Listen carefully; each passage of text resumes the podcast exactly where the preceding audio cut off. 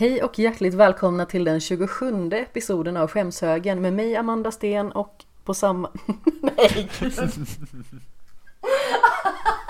Vad skulle du säga? Jag skulle säga andra, men nu blev det samma. Ja, på samma någonting och jag säger vad, vad, Eh, Skits. Åh.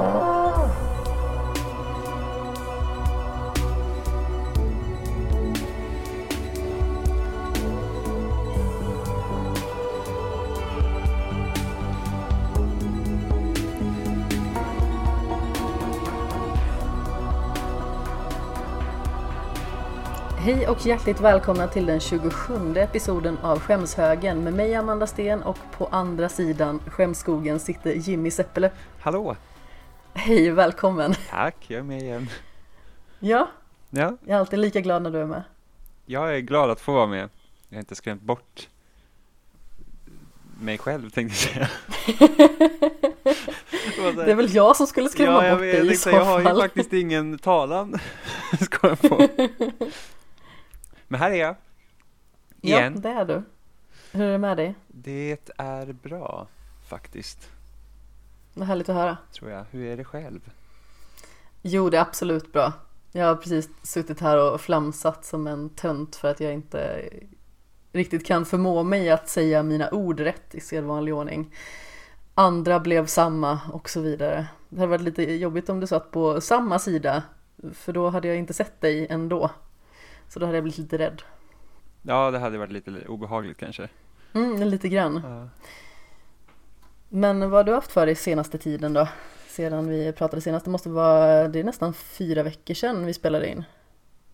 Ja, typ. Eller tre och en halv. Ja, någonting sånt. Vi, vad fan, det var precis Hollywood eh, eh, Tarantino-filmen. Ja precis, Once upon a time in precis. Ja, jag har eh, en ny termin i skolan dragit igång igen. Ja, Så att eh, jag har praktik, så att det är mycket nytt för min del. och det är sista terminen va?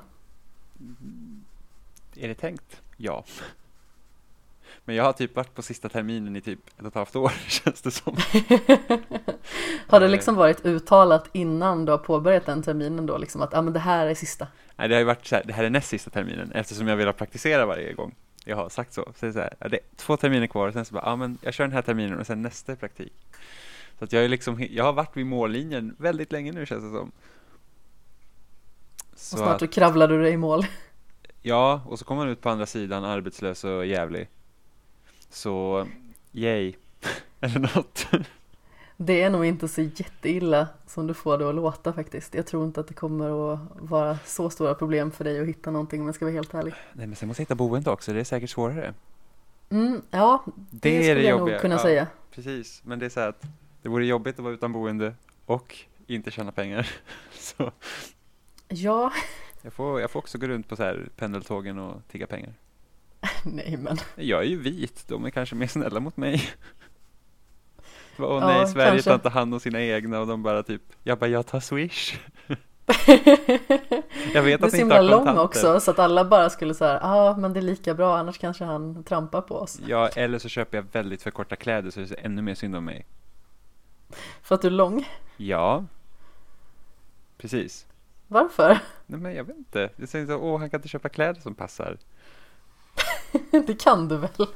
Nej, inte om jag inte har några pengar. Ja du menar så. Jag försöker ju vara smart här. Jag kan säkert hitta en gammal lucktelefon bland mina lådor, eller lådor också att ta. Så jag riktigt springer ut med vevtelefon. Det är det enda jag har råd med. En sån här låda liksom. Ja, En sån telefonväska. När, andra, spe, andra spelar musik på pendeltåget så spelar jag min telefon Ja, med vev. Så jag, ja. Jag ska ta betalt för att folk får prata i min vevtelefon och så bara, ja, jag tar, kör distanssamtal eh, för en billig peng. Tänk vad sjukt det var egentligen att man fick ju betala, det var dyrare att ringa utanför sitt eget riktnummer. ja just Är det. det fortfarande så? Om du har fast telefon? Jag har faktiskt ingen aning. Det Jag kommer så inte ihåg när vi hade fast nummer senast. Däremot kommer jag ihåg telefonnumret. Jaså? Ja, absolut. Eh, Det var väldigt lätt kan jag säga. Så det var inte precis som att det var någon jättebragd att komma ihåg det. jag kommer ihåg vårt telefonnummer också. Ja, du ser. Men vi hade fast telefon så länge jag bodde hemma. Jag tror att vi måste ha slutat med det. Innan jag flyttade hemifrån. Och jag flyttade hemifrån 2012. Mm. Och sen när jag bodde hos mormor hade vi fast telefon. Ja, men så här, mor och farmödrar räknas typ inte. Min farmor har också telefon eh, hemma vid sig fortfarande. Som inte är av det mobila slaget.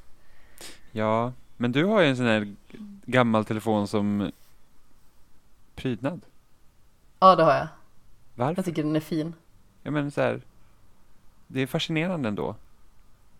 Att man liksom tar men liksom så här, Gamla artefakter. Ja men jag känner liksom så här att Hade vi haft fast telefon idag fortfarande så hade man inte köpt en telefon som prydnad liksom och känna att åh vad Eller man kan ju köpa, köpa en fin telefon om man tycker det men jag känner liksom att så här Ha Ja men varför?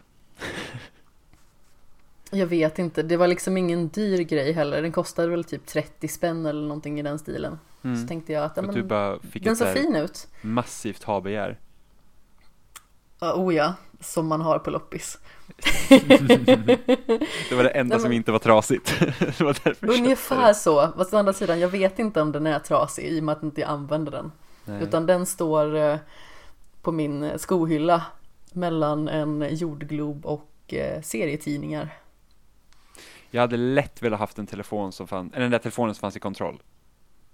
Bara den Ja. där ratten. Alltså det tycker jag är skithäftigt, för då tar man liksom gammal teknologi och sen gör man, man, man bara ändrar den lite så att den ser liksom, det där ser inte rätt ut. Men det är typ lite sådär, det skulle kunna vara hur de på 60-talet typ tänkte det här är framtiden. Ja, precis. Det är typ, typ, ja men typ Fallout.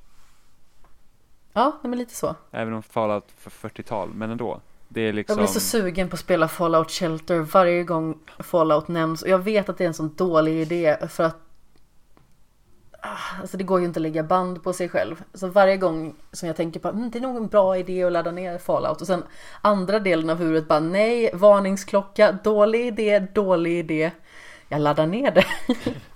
ja, en anledning till att jag inte spelar Fallout Shelter speciellt mycket var för att jag inte kunde spela så mycket som jag ville.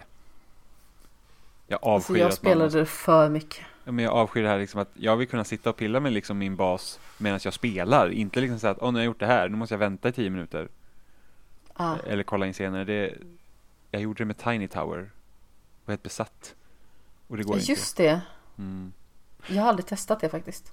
Det var rätt så kul. Eh, Eller ja, rätt så kul. Det dög när man hade tråkigt på jobbet. När man...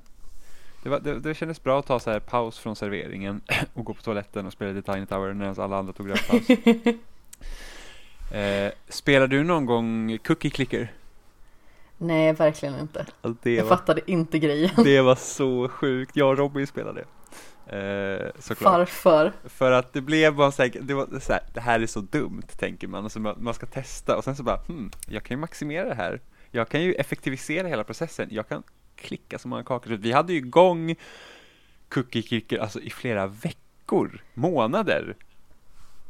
Sen Ja. hände någonting så typ att någon av våra, om det var Robins fil som blev korrupt eller om det var min fil som blev korrupt och allt försvann. Nej. Så, så då liksom så att, ja, nu är det kört liksom. Det orkar man inte hålla på med. Men alltså det var, alltså vi hade typ på det, alltså, datorerna gick liksom runt på nätterna för att klicka kakor. Nej. Jo, men det var helt sjukt för att det var, det var, alltså det, det var en rätt rolig Men till idé. vilken vinning? Det var bara kul att klicka med kakor. Det är det enda, det var bara som man ser bara de här numren gå upp. Jättetillfredsställande. Och man bara så här många kakor klickar jag i sekunden liksom. Så kunde man typ eh, utveckla så här supermormor som kunde baka ännu mera kakor och sådana grejer. Alltså det, var, alltså det, det blev typ en hel mytologi kring hela den där kakklickan. Det var helt sjukt. Ja, men alltså det var typ så här, ja ah, men dina mm, mormödrar tas över av aliens och får de här förmågorna så nu klickar du så här mycket Va? kakor. Ja, alltså det var helt galet. och så kunde man ju klicka manuellt också om man ville, men var, tanken var ju att man skulle liksom automatisera processen och vara så effektiv som möjligt och det, det var helt... Alltså den jag bodde med eh, höll på med cookie clicker också. Jag bara så här, "Ugh." Och sen så gick jag därifrån, det var lite på den nivån. Det fanns något annat sånt där online-spel när man typ bara spelade, jag vet inte om det var cirklar eller blobbar som typ skulle förinta varandra. Ja. Agar IO. Ja, precis! Jajamän. Så dumt. Alltså folk är helt, alltså jag var aldrig duktig på det. Men alltså folk är helt galna. Alltså, man sitter flera timmar och bara sitta och hålla på med det där. Ja men precis, så helt plötsligt hörde man liksom där utifrån vardagsrummet Nu blir jag jagad av Rumänien! Mm. Okej. Alltid de där med flaggorna. Jag tror Rumänien sitter och spelar den idag. Det är alltid de. Typ Rumänien och sen är det någon så här, tror man någon när jag spelade så var det någon som hade så här drakbild och grejer. Och så blir man så här, så börjar man, men hur har de fått de där bilderna? Och så börjar man googla. Det var typ som, Och sen är man fast. ja, alltså det var tidigt 90-tal, då fanns det en chattklient i Sverige som heter Doobidoo. Eh, där man, man spelade runt som en avatar och så hade man liksom ett eget krypin. Alltså tänk dig typ att det var som ett picka-klicka-spel nästan. Ja. Så att, så att liksom, men du har liksom bara, bara en 2D liksom bild och där rör sig en massa avatarer liksom. Eh, 2D-ritade. Och sen hade man liksom sin egen, eget hus där man liksom kunde få eh, så bjuda hem kompisar och sitta och chatta med dem där. Eller typ så kunde man samla på så här reklam i, i chattklienten, typ så här festisflaskor och grejer. Och så kunde man ta dem med sig och ha, liksom, visa upp dem i sitt hem. Liksom. Det, så jag tror typ Doobidoo började som ett, det var något så här socialt experiment och det var jättestort under den tiden det fanns. Och där kunde man ladda upp egna avatarer om man ville, så det fanns ju vissa som såg så jäkla coola ut. Du vet, man bara, så där ska jag också vilja se ut, du vet.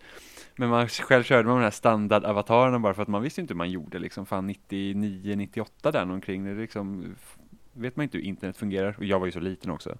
Men där brukar jag och min syrra, Det var då det fortfarande bara var typ så här 1,70. det är inte när jag var sju. Jag skojar bara. Jag var 1,40 när jag var sju. Faktiskt. Just det, du kunde åka jag kunde allting, åka eller allt, allt på Gröna Lund när jag var sju år. Eh, ja, det kunde jag. Men eh, det är jättetråkigt att Doobidoo försvann. Så man kunde typ så ställa in så att ah, men nu vill jag att min karaktär ska skrika, nu vill jag att den ska typ tänka och så fick man så pratbubblor ovanför sig och sådana grejer. Men det är så få i min ålder som känner till det här eftersom jag var rätt liten men jag hade en, ett, ett syskon som var äldre som, som gjorde sådana tokigheter så då var jag med liksom på dem. Vi umgicks ganska mycket när vi var små. Ja, jag eh, har liksom inte riktigt något minne av när jag bekantade mig med internet första gången faktiskt. Men jag måste nog varit säkert typ 10 i alla fall. Eller över 10. Kom ihåg att det fanns det här stallet.se. Ja, det kommer jag ihåg. Jag var inte medlem där dock. Men Jag måste... var inte en sån som hade Lunarstorm eller någonting sånt Så, heller. hade du inte Lunarstorm? Alltså jag skaffade typ en, eh, en profil men jag använde den aldrig. Okej. Jag loggade typ aldrig in. Åh gud, jag hade massa sådana. Lunarstorm, Banana Island, Play Ahead. Eh, Det här flyger mig rakt över huvudet bara. det var typ, alla de var typ samma sak. Lunarstorm var bäst dock. Eh, Helgon hade Sen jag aldrig. de här... Det hade jag. Klart du hade. Vadå klart jag hade?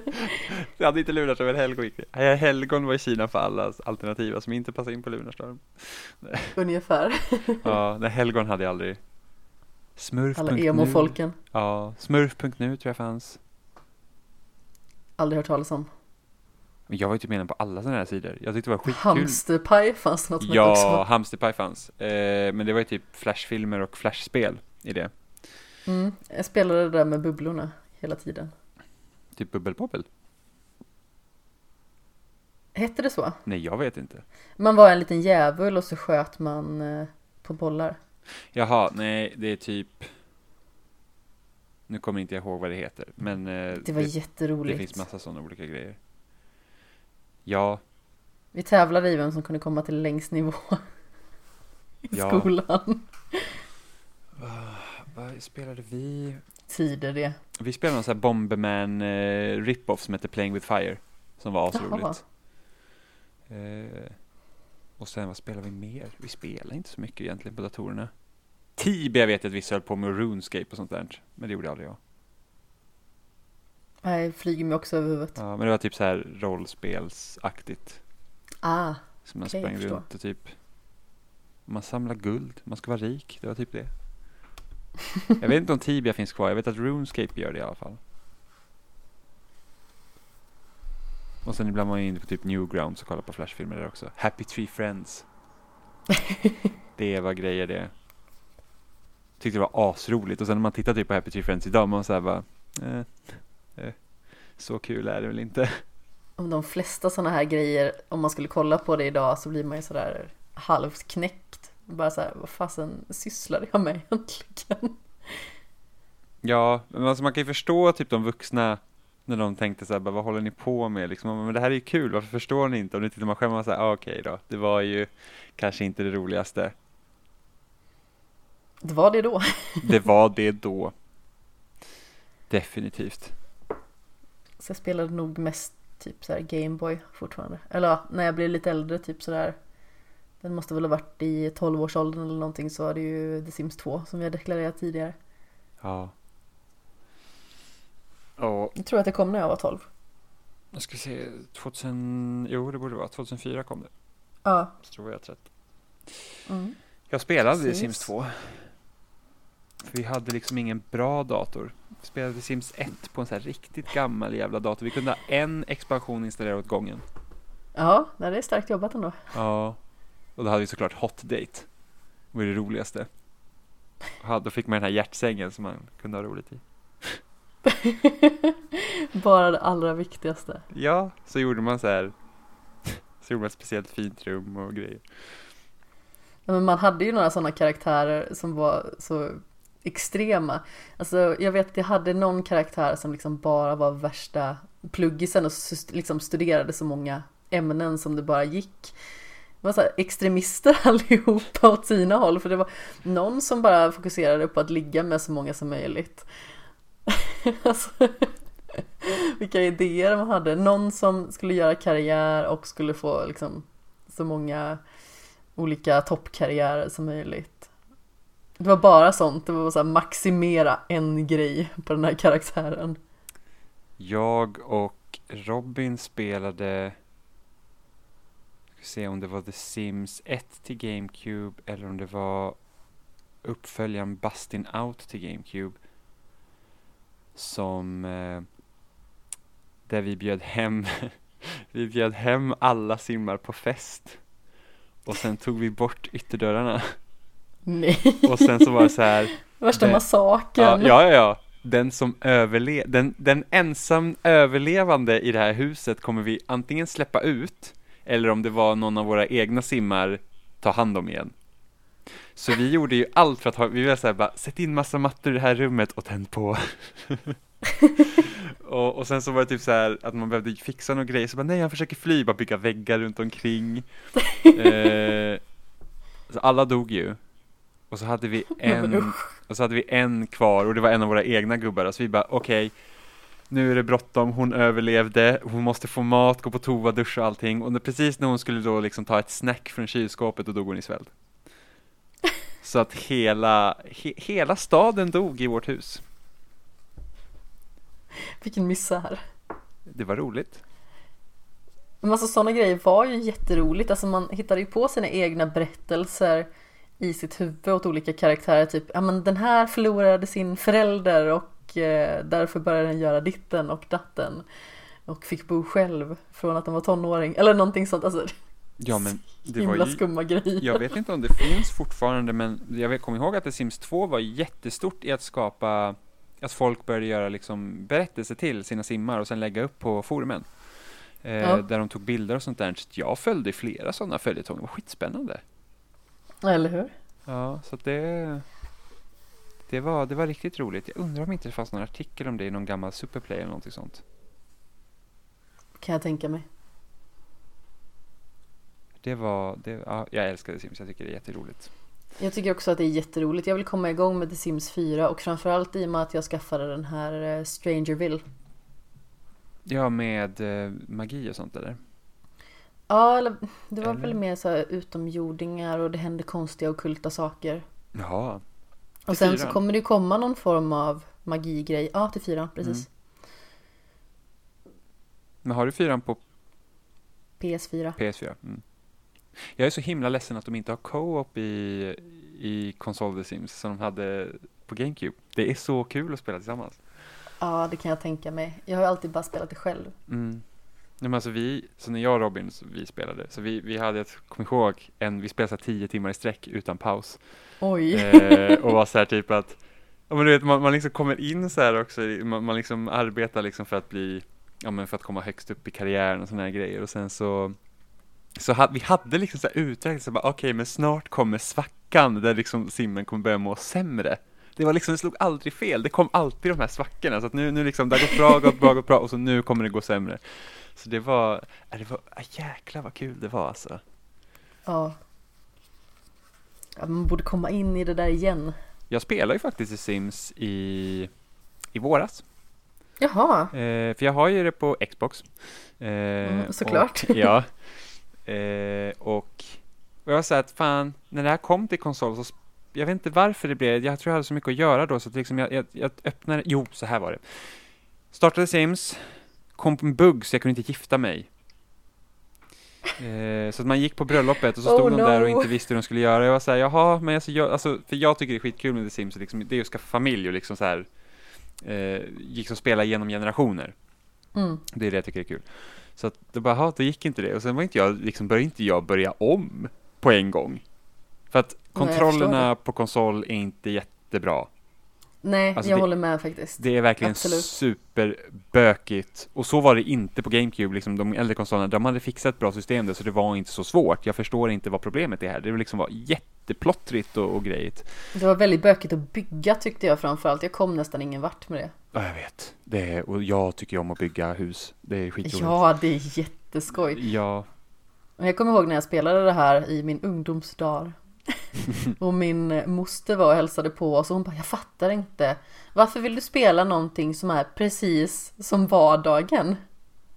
Uh, jag liksom bara så här, alltså man kan ju ha någon annans vardag. Men man kan tjäna hur mycket pengar som helst, man kan göra allt man inte kan göra i alla fall. Det är jätteroligt.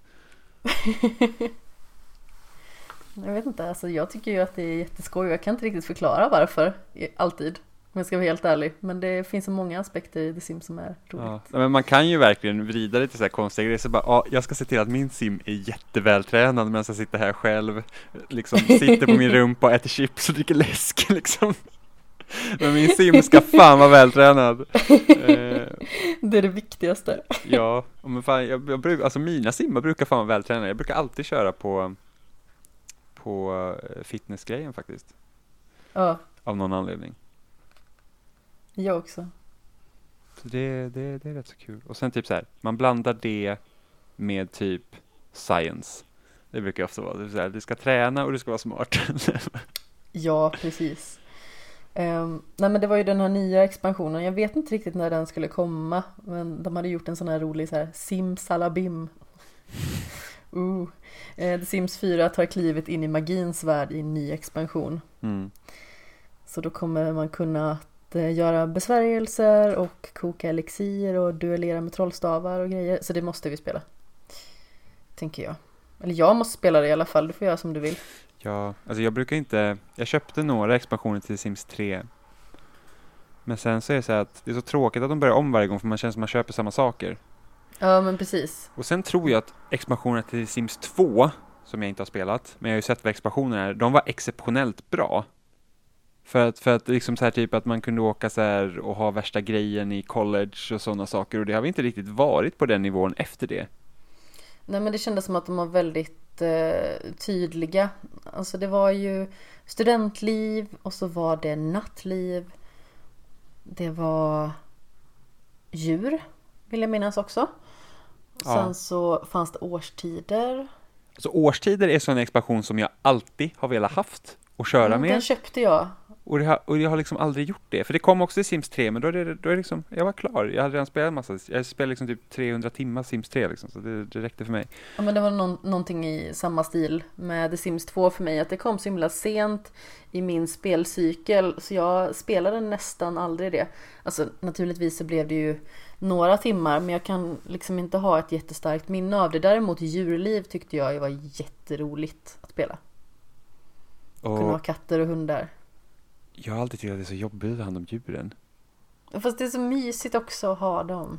Fast För studentliv var nog allra bäst tror jag. Mm, för att vi, ja, nu ska vi se.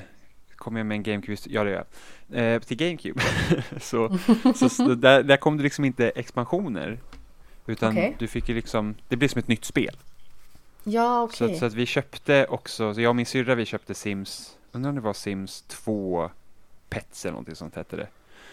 Eh, och det var så skumt för Sims 2 på konsol kunde du skaffa barn. Vilket liksom så tar ju bort hela syftet med Sims tycker jag. Det är liksom så här, men alltså Men just det, det har du sagt Ja. ja. Man kunde bara liksom ligga runt. Precis. Eh, never forget min, min Snape. Eh, Kommer aldrig glömma den. nej, och då, och då, då, då, då, vill vi ha så här hund. Så här. Och det roligaste var att det fanns Chiperk i det spelet. Och Chiperk, Ja. ju- vi, vi hade sådana hundar. Och min, min syrra hade en hund som var hel Chiperk och min hund är ju halv Chiperk. Eh, och det är ingen så här vanlig ras, så det var rätt kul att det fanns. Så hon skaffade en sån hund. Men det var så himla knepigt för att de hade lagt till så här att städning var ju liksom en skill i Sims 2. Ja, just det. Eh, och om inte, om inte simmen är på humör, då vill den inte träna sina skills. Så att då går det inte att städa. Så att hennes hund bodde i bajs och kunde inte få mat och sånt för att, för att hennes, hennes sim mådde så dåligt. Så, så hon kunde inte ta hand om hunden och hunden blev jätteledsen så den rymde iväg och min syrra var jätteledsen för det. Nej. Ja, det var, det var traumatiskt att spela djurliv till Sims 2 på konsol. Men det var inte lika dramatiskt som eh, Mario Kart Double Dash i alla fall. Nej, nej alltså det, ja, det, det var ju liksom redo att ge upp där. Och gick i trappen och grät. Ja, det var... Men alltså vi har haft så många sådana här konstiga grejer när vi har spelat tv-spel tillsammans. Så vi spelar ju Sagan om Konungens återkomst. Det var också Ja. co-op. Skitroligt vill jag minnas att det var. Jag vet inte hur, hur det skulle stå sig idag, men alltså det var verkligen så här att okej, vi spelar som typ Aragorn, Gimli och Legolas och bara slaktar orcher, hur kul som helst. Och så var vi på den här, eh, jag ska se, det borde ju vara i slutet utanför eh, det minnas Tirith som är i Gondor va? Mm, Gud, ja, det vill jag minnas. Ja, och det är då de här elefanterna och allting kommer.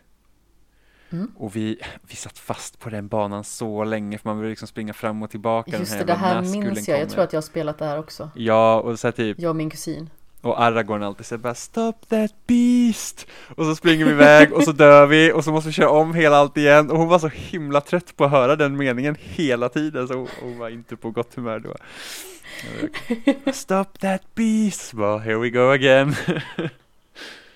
och idag ska man inte ha tålamod att sitta om och om och om igen på saker. Eller okej, nu ljög jag igen. Super Meat Boy. Ja, Super Meat Boy, fast det, det går ju så snabbt. Det är det. Det är liksom inte så att jag Ja. behöver inte spela tio minuter för att komma till den punkt jag inte klarar av. Men sen kom jag på att jag Nej. spelade för fan Sekiro i våras, så där, alltså jag satt på den här jävla, vad fan, Demon of Hatred, typ näst sista jag trodde du bossen. skulle säga, vad är den heter, Lady Butterfly. Nej, nej, alltså hon var, alltså jag, Lady Butterfly kommer man ju till, kan komma till relativt tidigt i spelet. Men det är en optional area, så man behöver inte göra den på en gång, så jag gick dit sen när jag var buffad. Ah, okej, okej. För Kommer man dit var- tidigt så ligger man rätt brun till jag hört. Ja, det gör man, verkligen. Eller rättare är sagt, jag har sett det. Jag har sett två stycken väldigt brutna människor som försökte ta sig igenom det här. Hon är inte superlätt ska jag inte säga, men liksom det hjälpte ju att man hade slagits mot andra bästar först. Eh, men Demon of Hatred var alltså det, ja, alltså, jag satt fast i säkert två veckor på den. Och då jag liksom lite, ja, det blev, när spelet är nytt och så här, då kunde man verkligen sitta och nöta sig bara, jag ska klara den här bossen. Och sen så kom jag till en gräns, för att Sekiro hade verkligen liksom bara bankat mitt huvud i väggen så länge att när jag kom till Demon of Hatred, jag var så här, jag är helt slut. Jag tycker inte om att få mitt huvud bankad in i väggen. Nej, vem, vem gör det? Nej, precis. Jag bara, jag är så trött. Jag älskar spelet by the way, så det är inte det. Men det är verkligen så här att det här spelet har brutit mig. Eh, och så var jag på Demon of Hatred och liksom bara kötta och kötta och det var så här bara att den här bossen är annorlunda än alla bossar i hela spelet. Den har superkonstig liksom räckvidd. Ja, ja, alltså man blir så här, allt bara var så här, "Ugh." Och sen när jag äntligen klarade den, då var det så här, alltså man bara kände sig bara att yes, jag har gjort det. Och sen är det sista bossen efter det. Och man var så här, nej, vet du vad, jag är klar. jag, jag tänker inte spela mer nu. Gjorde du inte det? Eh, jag klarade inte sista bossen. Eh, Filip, en kompis till mig, gjorde det åt mig. Jaha okej, vad praktiskt. Yes, men han gjorde det när de var här i somras. Eh, Ah, jag så det var så här, han bara så här, han startade bara Sekiro och jag bara, ja. Han bara, jag vill bara se hur långt jag kommit. Jag bara, jag är på sista bossen. Han bara, ja jag kan vinna över honom. Jag bara, okej. Skönt. Hyggligt. Fick jag en achievement och jag behövde inte göra det själv. Ja, härliga tider. Mm. Jag sitter ju fast på en boss i Kingdom Hearts 2. Ungefär 37 timmar in kanske. Åh, Eller någonting i den nej. stilen. Jag tror att jag har försökt mig på den här, det var framförallt för två somrar sedan och sedan återbesökte jag spelet för kanske en sommar sedan. Mm. Ungefär. Eh, Alltså jag måste ha provat den här bossen 40 gånger. Ja. Det går inte. Men det, det är så jobbigt när man kommer i långa spel och sen tar det stopp. Mm, men just i den här typen av spel också, när det inte finns någon möjlighet att gå tillbaka i stort sett. Så du kan inte grinda levelar någonstans. Jag tror inte att jag kan det. Eh, nu eh, så var det som sagt mer än ett år sedan jag testade sist. Mm. Men eh, man blir ju lite förgrymmad. Jag är så himla glad. Har du spelat första spelet? Du har inte spelat klart det va? Nej, jag kom till Tarzan, bossen. Uh. Ja, jag vet. Och det, det, det, ungefär så kände jag Tarzan-världen är en styggelse. Utan Ja, dess den. like. Ja, och jag var verkligen så här att fy fan. Men jag, Mm. jag väntar ju på att någon ska ta tummen ur röven och släppa Kingdom Hearts-spelen till Xbox så att jag kan köpa, eller så jag kan spela alla spelen där.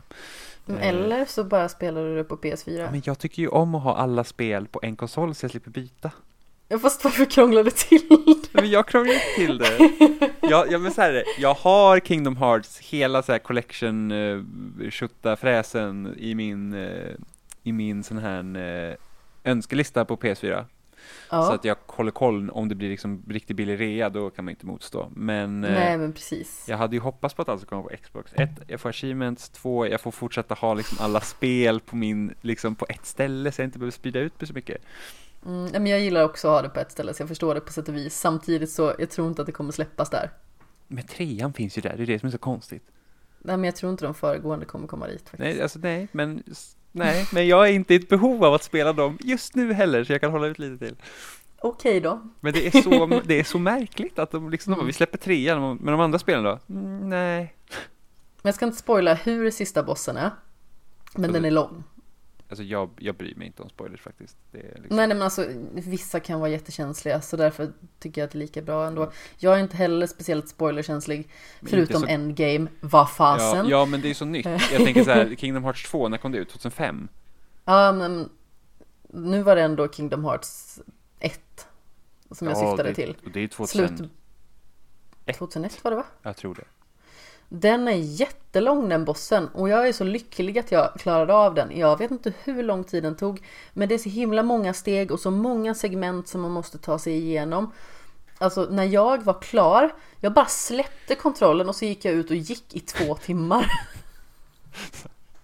Helt i disbelief liksom. Men alltså jag bara såhär, jag måste gå runt sjön. Ja, men, Så gick jag ut. Eh, två timmar senare så gick jag hem till mina föräldrar och så på Eurovision vill jag minnas. är, Sista gången jag såg den skiten. det, är, det är så jobbigt med så här JRPG och speciellt när de lite äldre sådana för att du kunde komma till ställen där liksom så att okej, du kommer inte vidare. Nej alltså det för är, att det är liksom för att du fuckar horribelt. upp med någon sparfil eller någonting sånt. Så jag, jag spelar Bait Kaitos också på GameCube. Eh, som är en så här, vad ska man säga, jag vet inte om man kan kalla det liksom kultklassiker, men den var det är, liksom, det är många som tycker om den serien, ja den fick två spel den serien, uh, men men jag kom till ett ställe och var så här att okej men spelet varnar en och säger så här okej men du kommer inte tillbaks hit Eh, så att se till att du liksom har gjort och liksom att du är att du är tillräckligt levlad för att gå vidare. Och jag, så här, jag- när jag var liten, jag var så här dum. Alltså, det är så här, jag har klarat mig så här långt. Klart jag Varför klarar. skulle du inte klara dig nu? Alltså inte för att det var lätt. Det var för att jag hatar att grinda. Jag absolut hatar att grinda levlar. Det tycker jag är så tråkigt. Jag vill liksom bara ta mig framåt hela tiden. Ibland så kan jag tycka att det är jätteroligt och ibland så kan jag tycka att det är djävulens rövhål. Det, jag tycker det är djävulens rövhål jämt. Okej. Det är så att om det är en level som håller tillbaka mig, alltså det är typ som Final Fantasy 13. Jag mötte, för att det spelet är så himla linjärt i början, de första typ 25 timmarna. Innan man kommer till den här enorma gräsmattan, alla bara åh det är då spelet blir bra. Ehm, det, spoilers, det blir sämre. Det är liksom så här, helt linjärt, man kommer så här, tagit varenda fiende på hela vägen, suttit fast på varenda jävla boss för att tydligen så räcker det inte med att ta varenda fiende i deras linjära spel. Så kommer man till den här då, så här, spelet öppnar upp sig och det blir skitbra. Spelet öppnar upp sig, enorm jävla gräsplätt, varenda fiende är för stark. Åh. Alltså jag var bara så här, jag bara nej, fy fan för det här jäkla skitspelet. Jag var så arg.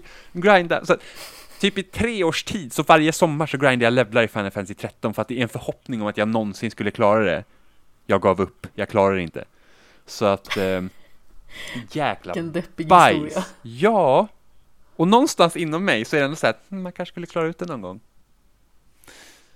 Men alltså, finns- det är samma sak för mig med Kingdom Hearts 2. Alltså den här bossen har jag försökt och försökt och försökt och jag tänkte liksom så här att ja, men, nu när jag kommer tillbaka till den ett år senare då kanske jag klarar den direkt. Och jag var så nära på att klara den.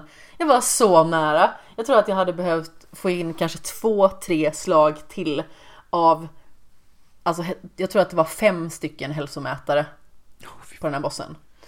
Eh, och jag lyckas inte. Men alltså det finns sådana här dumheter. Jag vet samma sak i Nier Automata, ett spel som jag verkligen älskar och tycker är helt fantastiskt. Men när jag kom till sista bossen, då har ju jag inte fått reda på att man liksom inte kan hitta några förnödenheter eller något sådant. Alltså jag tror att det är kanske de tre, fyra sista bossarna. Där kan man liksom inte hitta någonting som är av nytta förutom kanske att man råkar snubbla över någonting ute i fält.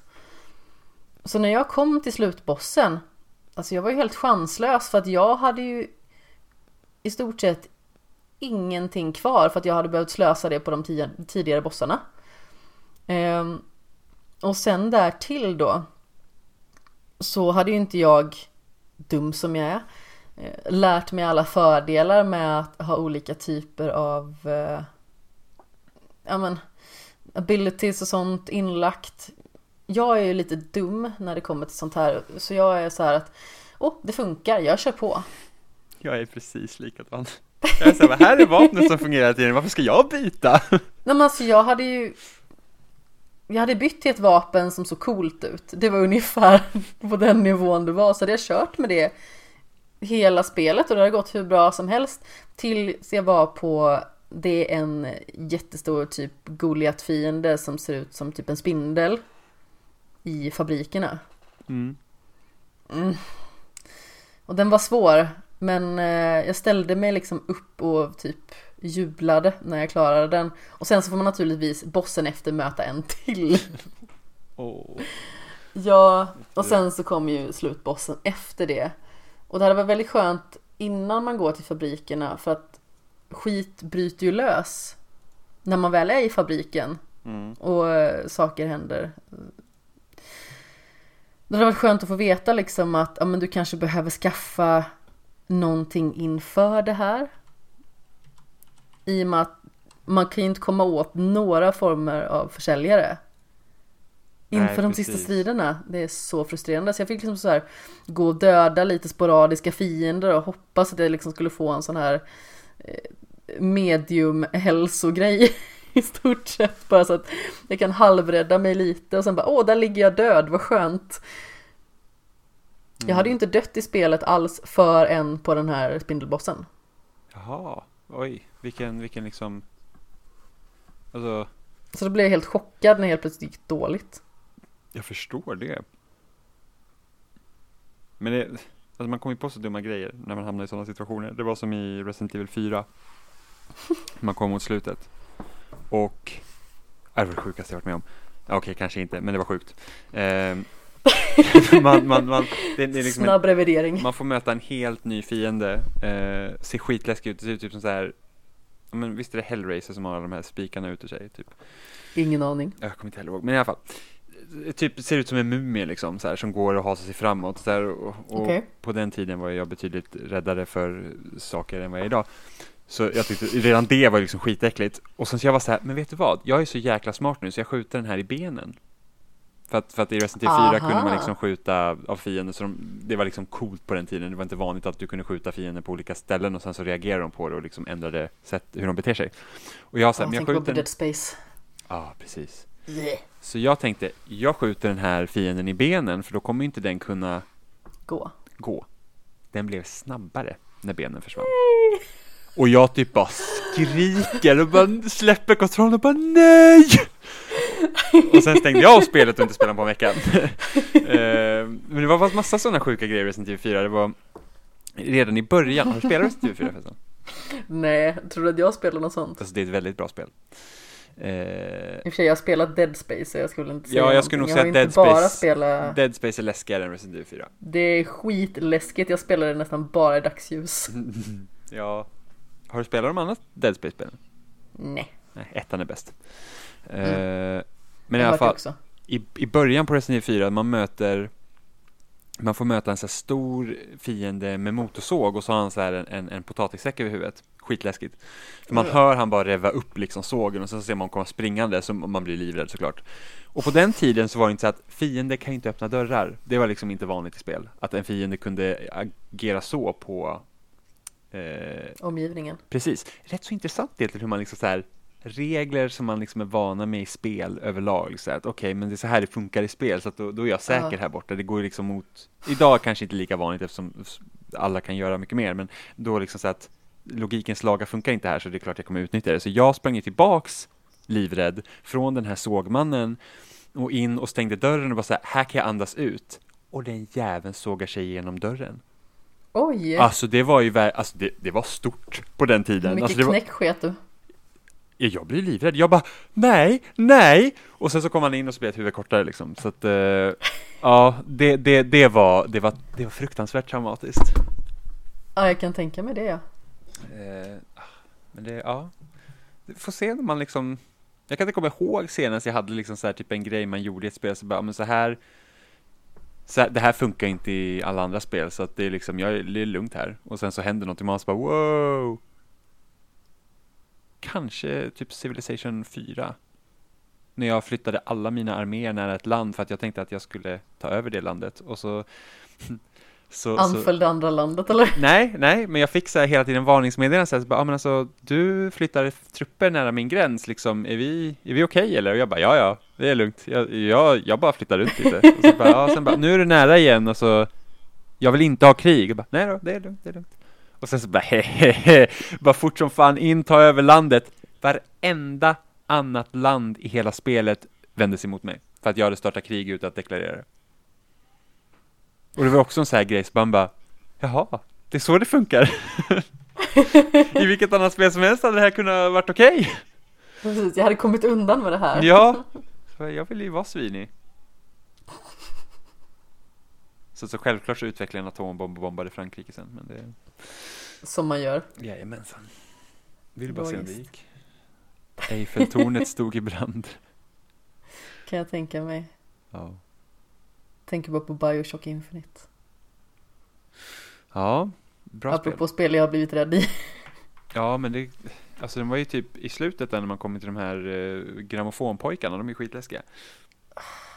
Alltså När man är i kontrollrummet, jag tror jag har sagt det här innan Man är i kontrollrummet och så ska man eh, Jag tror att man ska stänga av några olika grejer för att frita Elisabeth Mm. Och man i andra kontrollrummet vänder sig om Och en sån jävla tutnisse står bakom en och tutar en rakt i ansiktet Alltså jag skrek rakt ut och höll på att skita ner mig Ja, det var, Nej, det var inte okej alltså nej, det var läskigt. Alltså, ja, du vet ju hur himla lättskrämd jag är. Alltså, visst att saker kan vara läskiga. Men just att bli sådär aggressivt skrämd. Alltså, dels... Alltså jag vet liksom inte vad jag ska ta vägen. Jag vill typ så fly ur min egen kropp. Lite grann. Mm. Och sen så blir jag lite så passivt aggressiv också bara för... jag hade hoppats att jag skulle kunnat förutse det här. Ja. Man liksom skäms ju lite grann över sig själv på grund av ens reaktion. Ja. Jag tycker det är härligt, vi har spelat in i ungefär en timme redan och vi har inte kommit till något av våra ämnen. Nej, det har vi inte, men vi har pratat massor om spel. Ja, som det vi, har vi. Som vi inte kommer prata om sen. Nej, precis.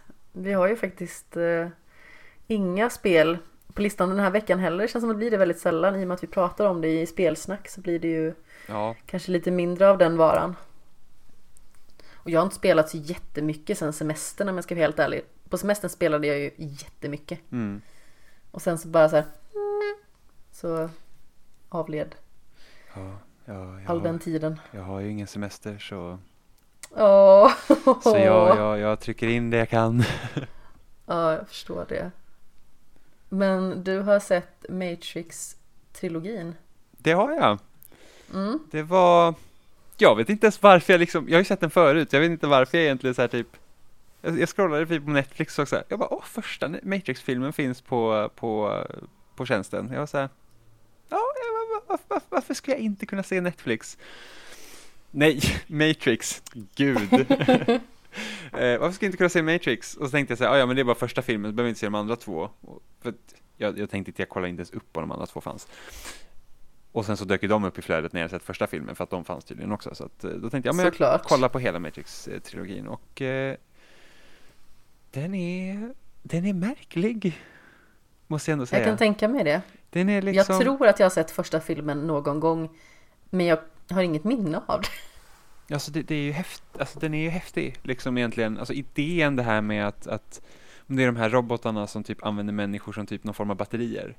Eh, Och eh, utvinner energi från dem. Och då, då har de den här Matrix är då som en virtuell värld så att säga. Mm. Eh, som, som då de människorna lever i eller tror att de lever i och så. Eh, och sen så handlar det om Neo som som då får sitt uppvaknande. För det, det är den här, man väljer det blåa pillret eller det röda pillret. Ja. Som alt-right-rörelsen har eh, hijackat och sen att de har ätit det röda pillret så att de är woke, om man säger så. De ser sanningen. Eh, Såklart de gör. vilket är rätt så intressant med tanke på att eh, Wachowski-syskonen då är båda transpersoner. Något Är som... båda det nu? Yes.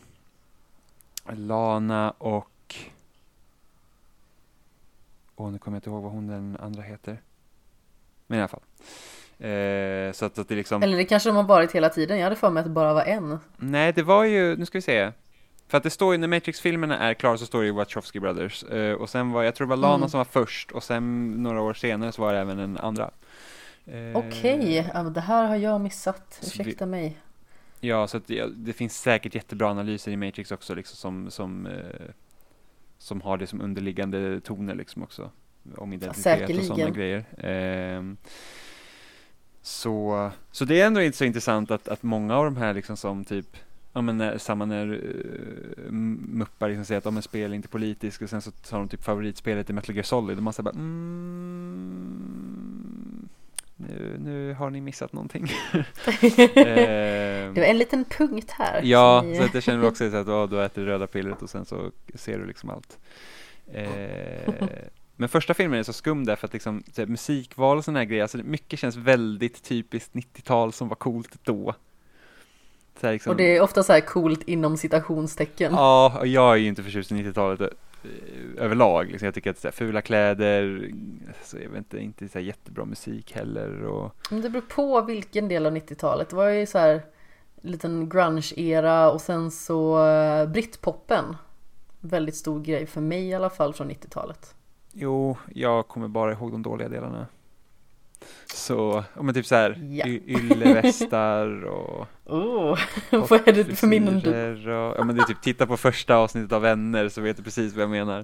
Eh, 90-talet var, så, inte. 90-talet var så himla märkligt, sen typ så här Dr Bombay och sådana där liksom konstigheter. eh, så, men alltså det är så här liksom, det blandar liksom typ lite så här hiphop och lite techno i så här soundtracket tror jag. Och jag är ingen musikmänniska heller så jag kan säkert nämna vissa genrer fel och sånt. Men det, det är i alla fall väldigt märkligt att se för att man hade liksom Matrix gjorts idag så hade det ju varit betydligt annorlunda. Jag känner liksom att storfilmer och sånt idag är inte lika snabba med att hoppa på sådana populärkultur, kulturella grejer. Liksom att man hyr, alltså ofta så här storfilmer och sånt idag, de har ju liksom egenskriven musik. Mm. Eh, så att det, det blir liksom blir så här att, ja men typ ta en film som, sen kan man ju höra liksom ett soundtrack och sånt roligt, ta en film som The Rock till exempel, som har ett väldigt speciellt soundtrack. Och man tänker sig att hade en actionfilm gjorts idag så hade det inte låtit sådär. Eh, och, och sen att många typ filmer från 80-talet sånt liksom har egna ledmotiv och det är inte, det är inte ofta man har sånt idag heller, utan det är liksom mer så här stämningshöjande musik. Eller stämningsförstärkande. Det är samma sak. Vad är det jag säger egentligen? Eh, så så det är bara, det är bara liksom så här att det här är coolt och det gör vi. Och sen så bara typ, vad är den coola musiken just nu? Så lägger vi på den och jag tycker det passar så himla konstigt. Det blir jätte, jättemärkligt. Eh, men det är första filmen som är bra. Jag tycker att andra filmen var helt okej. Okay. Tredje filmen tycker jag inte alls om. Ja, Okej, att det, det låter liksom här- som progressionen brukar vara i den typen av trilogi. Ja, men jag tror att det är så här att Matrix som idé är så himla fascinerande att när den blir mindre av så blir det lite tråkigare tror jag. Ja, okej. Ehm, men det, ja, det är spännande, spännande grej. Det ska komma en fjärde film. Ugh. Nej! Det kan bli jättebra. Tror du verkligen det? Ja. Med tanke på hur lite du tyckte om trean. Ja, men alltså nu är det, så, det är så himla länge sedan så det blir, det blir nästan som en eh, reboot nästan. Fast är ändå inte riktigt. Det, det, jag tror Keanu Reeves och, och um, alla, de flesta från... Lawrence Fishburne. Ja, precis. Och sen eh, hon som spelar Trinity som jag inte kommer ihåg vad hon heter nu. Ingen Eh, aning. Eller, ingen aning. Jag pratade rakt in i en burk här. Ja, det gjorde du. Eh, så att, men ja, jag, jo, jag är faktiskt väldigt pepp för att jag tror att man har tillräckligt mycket distans till originalverken för att liksom kunna göra något intressant av det igen. Det, är liksom, det kommer inte en film bara för att det måste komma en film. Det är liksom inte typ Alien 7.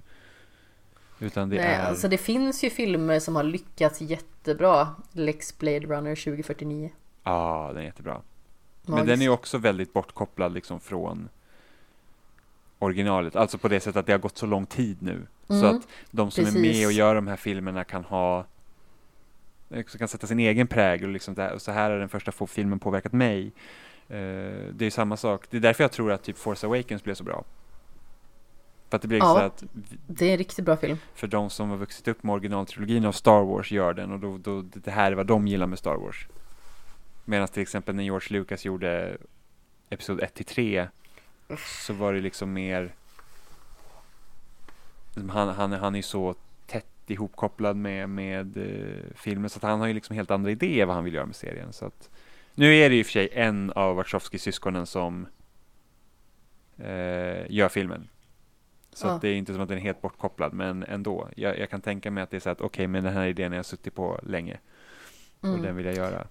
Jag känner ändå att det hade gärna fått vara en Blade Runner grej. Alltså att man hade tagit en helt annan nytänkande regissör. Mm. Eller man ska säga någon som inte haft samma anknytning till serien tidigare och sen gör någonting helt spektakulärt. Alltså ta typ um, Denis Villeneuve till exempel som gjorde Blade Runner uppföljaren. Han satte verkligen sin prägel på den men han hade ändå, vad ska man säga, sån enorm respekt för originalet. Alltså man ser så tydligt att det utspelar sig i samma universum. Men ta sådana aspekter till exempel som det magiska foto som han alltid har i sina filmer. Ja, alltså varenda jävla bildruta i den filmen är som ett konstverk. Ja. Det är ju helt sin... Alltså det, vi såg den... Undrar om vi såg den på IMAX? Åh, Jag, vet, jag kommer inte ihåg, men i alla fall. Det var... Alltså det var verkligen som man var såhär, wow. Det, det är fantastiskt. mm. Ja, jag såg den också på bio. Hade så här förhandsvisningsbiljetter. Så jag... Ja, Jag var helt mållös när jag såg den. Så Ja, vackert. och sen Jag har så inte var, sett om den tyvärr. Nej, jag, jag köpte, jag bokade den på Blu-ray. Fortfarande inplastad. Det är min också. Men det är så här, att den där kan man, den filmen kan man inte bara se sådär. Man måste liksom säga att nu vill jag se den. Mm. Men jag känner också att jag borde se båda igen. Ja, jag borde köpa den andra på Blu-ray också. Jag har den på DVD om du vill låna. Du och dina DVDer. Ja, jag vet. Det är jättemånga som hackar på mig för det. Ja, jag är såhär bara, DVD, vad är det liksom? Men jag har i alla fall Call Me By Your Name på Blu-ray. jag så med. Det är viktigt. Mm. Ja, man måste ha den i sin samling. Faktiskt. Ja, ja, det är en bra film. Jag har bara sett den en gång dock. Mm. Också en sån film som jag har köpt fyra och gånger, inte sett igen. Jag har massa Blu-ray-filmer som jag har köpt som inte jag har tittat på. Det blir ofta så. Fast det brukar inte bli så för mig. Det blev så när jag blev vuxen. I och för sig, okej. Jag har varit vuxen ett Du tag. har varit vuxen en liten stund. Jag vet. Hörde du? alltså om vi går liksom på, på myndig och sådär så har du varit vuxen i tio år. Faktiskt, det har jag varit. Men det känns inte som det. Det känns som att jag kanske varit vuxen i fem. Alltså jag tycker ju fortfarande att jag alltid kommer vara 23 av någon anledning. 23? Ja, Ja. Som så liten Jag när vet var 23. jag vet inte. Jag kände att jag började bli vuxen när jag var 23. Okej. Så så. Så jag har alltid fått känna mig äldre än vad jag egentligen är. Jag också. Så, uh, Och inte bara på grund av eller tack vare klienter som har trott att man var 31 när man var 23. 31. Det var, ska man ta det som en sån här komplimang eller inte? Hon tyckte att jag var en cool 31-åring, så jag vet inte. Vad då du säger så men jag är 45. Och jag tror att jag berättat den här historien tidigare, att eh, den här klienten undrade liksom hur jag lyckades hålla ett sånt här liksom konsultyrke som personlig tränare och pendla till Alingsås när jag liksom har man och Hon Familj och barn hon och sådär. antog att du var så här, hon antog det jättehårt och jag liksom bara, ja, jag har inget av det. Jag har katter. vad sänder du ut för vibbar? Jag vet inte, men jag har alltid varit lillgammal har jag hört. Så. Antar att det är det. Ja, måste väl vara det. Fast ändå, är man, kan man vara lillgammal när man är 23? Det tror jag definitivt att man kan vara. Okej. Det finns ju många 23-åringar som är fjortisar, så det borde gå åt båda håll. Men hur, fast det kommer in så här med typ, om man tänker en, en kille är, en man, är lillgammal, så kommer han så här gubbabyxor och typ basker. Nej, inte basker, en sån här gubbkeps och sån här, Jag älskar att du säger basker för en av mina närmaste vänner, han är förvisso 35, men han har alltid basker på sig. ja, här, jag, jag är ingen eh, hattperson. Inte jag heller, det gör sig inte bra med min runda huvudform. Mössa kan vara helt okej. Jag har en basker, en Harry Potter-basker, som jag använt typ tre gånger eller någonting. Mm. Jag var lite sugen när jag var på Sherlock Holmes-museet i London att köpa en plommonstop. Nej men gud. Bara för sakens skull.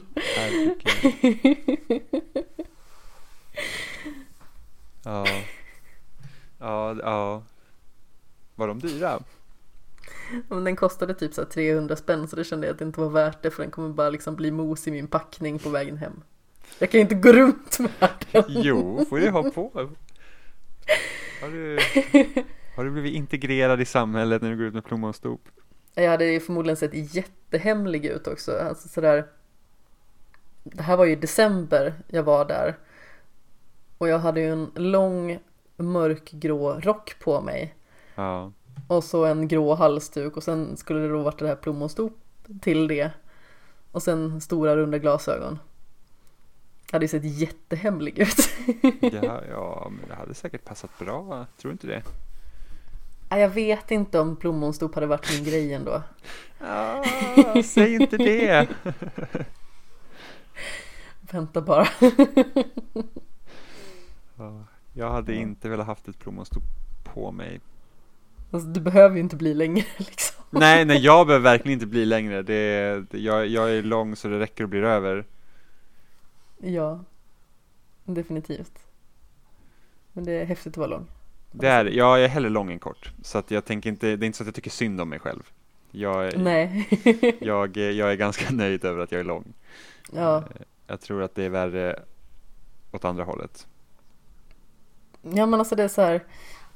Jag vet min, min mor klagar ofta över det för hon är Hon är mer än en decimeter kortare än vad jag är. Mm. Hon klagar ju på att inte hon når upp till saker.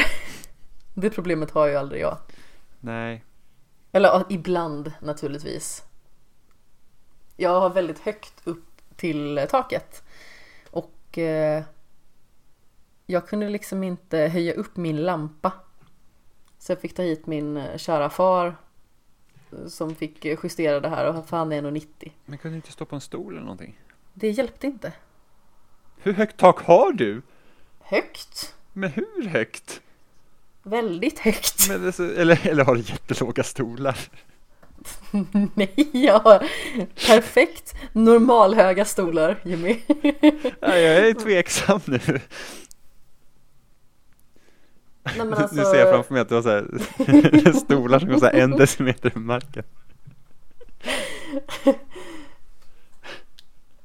Nej men alltså det är väldigt högt. Jag har lite svårt att uppskatta längd sådär. Men jag vet Hur, inte. hur, långt, det... hur långt har din pappa till taket då? Jag vet inte. Men alltså det är minst tre meter upp till taket. Men gud! Det är nog tre meter kanske. Ja, Ja, ja, det, ja men tre meter skulle det kunna vara. ja det, är, det är högt. Det är det. Nu tänker jag, jag är bara en liten kamelfis i det sammanhanget. Och så tänker jag, hur hög brukar en stol vara upp där? Det måste ju nästan, är det inte de typ en meter i alla fall? Nej, nej gud nej. Nej, fastän jag har väl inte en meter typ en meter stol. från knät till, till fot. Om man säger hur ska jag kunna med sån här, jag når alltid ner. Ja, alltså det var så himla roligt. Min kompis, eller rättare sagt min kollega. Går att vara båda två förvisso. Eh, och det är hon. Men hon satt och dinglade på stolen häromdagen och sa så här, Jag når inte ner! och så sänkte hon stolen till botten och bara, jag når fortfarande inte ner. Gud. Och jag, jag gjorde så här att jag höjde upp stolen då till, till högsta läget på min. Jag bara, ja men jag når nog inte ner ändå om jag höjer upp den. Jag bara, oh, där var marken. Men hur kort är hon? Hon är inte så kort. Hon kanske är... mm, Ja, 1,65. Jag vet inte. Ja, det är väl kort, men det är väl... Ja, eller hon kanske är lite längre än så. Jag vet inte. Jag träffar henne varje dag. Jag kommer aldrig ihåg hur lång hon är. Men hon är kortare än vad jag är i alla fall. Ja. Vilket de flesta är på mitt arbete. Även männen? Det är bara en. Och han är nog bara någon centimeter längre. Är din chef den enda mannen på din arbetsplats? Ja, på ekonomiavdelningen absolut. Jaha, Mm. Det var en till innan, men han övergav oss. Den rackaren. Fredrik, om du hör det här. Jag räcker fingret åt dig mentalt. var han också kortare? Kom tillbaka. Nej, han var hyfsat längre. Okej. Se, man lär sig något nytt varje dag. Mm. Jag har läst en bok, Jaså? apropå att lära sig något nytt. Mm. Jag har faktiskt läst Factfulness, 10 knep som hjälper dig att förstå världen av eh, ja, primärt är det Hans Rosling men även hans son eh, Ola Rosling och sedan eh, i sin tur eh, Anna Rosling som då är gift med Ola. Hon har ett namn till men jag kommer inte ihåg. Rönnlund tror jag hon heter förresten. Ehm, det är väldigt intressant. Jag kom att tänka på att jag borde läsa den här boken apropå den här undertiteln då, att förstå världen. För det var väldigt roligt för jag kom ju hem med tåget tidig eftermiddag i söndags. Och så i alla fall så lovade min kära far att hämta upp mig på stationen och det första jag säger när jag hoppar in med konstpaus då. ehm, hur var det nu igen? Jag sa, jag förstår mig inte på människor. Mm. Och så blev det liksom en konstpaus där, jag skulle egentligen fortsätta och han bara ja det har framgått. Men då var det liksom i mångt och mycket den här gången att det var två stycken personer som fick för sig att det var en jättebra idé att ha en konferens mitt i trappen som går upp till parkeringen från stationen. Och jag kan reta mig något så infernaliskt på sånt. Alltså mitt i trappen. Det är så här, okej, okay, ni är gamla vänner, ni kanske inte har träffats på hur länge som helst, men ni kan väl ställa er åt sidan i alla fall. Mm. Jag kommer här med min överdimensionerade ryggsäck liksom. Och mina trötta ben. Och jag vill bara upp. Och ni står ju i vägen. Mm. Så där förstod jag inte mig på människor den gången. Det har väl hänt fler gånger. Men eh, eh, går inte ut på att förstå sig på idioter som ställer sig och blockerar eh, trappor och eh, gångar och dylikt. Lex, till exempel Maxi eller Ikea också värsta ställena att vara på. Utan det handlar väldigt mycket om hur världsuppfattningen är. Alltså i synnerhet från eh, personer som är liksom i ett övre skikt. Eller i ett till exempel ekonomiskt skikt, skikt som är väldigt stabilt. Alltså man har en stabil inkomst, man kanske kan åka på någon resa någon gång liksom om året eller man har en bra lägenhet, man har goda förutsättningar och så vidare. Man har en utbildning. Eh, och ofta när eh, Hans Rosling i det här fallet då har gjort olika typer av undersökningar kring världen så ses världen som väldigt mycket sämre än vad den egentligen är. Mm. Utefter det här, det är väldigt många som skanderar att det var mycket bättre förr. Men rent statistiskt så på nästan alla punkter så är det jättemycket bättre än vad det var förr. Mm. Det finns vissa punkter som har gått ner och sedan börjat gå upp igen. Och det finns naturligtvis olika typer av hot i världen. Alltså vi har klimatförändringarna och isarna som smälter till exempel. Och vi har på vissa platser i världen ökade eh, krigsdödar och dylikt. Men på det stora hela så går världen mot det bättre. Alltså till exempel det finns fler flickor som fullbordar sin skolgång. Det är färre som svälter. Eh, det är fler som eh, tjänar en mer skälig lön och så vidare. Och det är mycket boken kretsar kring. Det är liksom att det har blivit någon form av vi och dom-känsla. Alltså att vi har u-landet och vi har i-landet. Mm. Och vi som är i i-landet ser liksom resten av världen som kanske inte har lika hög standard som någonting som lider av extrem fattigdom och ren misär. Medan det i själva verket kanske är så att de flesta länder idag har någon form av liksom mellansamhälle. Mm. Alltså det är inte jätterikt men det är inte fattigt heller. De flesta finns eh, i någon form av mellanland. Skulle man kunna säga. Mm. Um, och mycket av hur världsbilden för väldigt många alltså, har skapats det är i mångt och mycket att vi har liksom ett väldigt dramatiskt sätt att se på världen. Att eh, genom den här klyftan då som vi skapar med vi och dem, liksom iland u-land till exempel, så blir det helt enkelt att om vi skapar en mer dramatisk bild än vad det behöver vara. Förr i tiden så reagerade våra hjärnor väldigt dramatiskt. Alltså nu menar jag liksom tillbaka till tiden då vi typ gick runt i höftskynke och klubba björnar liksom. Klubba björnar? Har vi någonsin klubbat björnar i historien? Inte riktigt så. Mm, här är en älg och här är en björn, vi går på björnen. Med så jävla bautaklubba. Du förstod min andemening. Jag förstod precis, men det, det var väldigt roligt. Klubba björnar.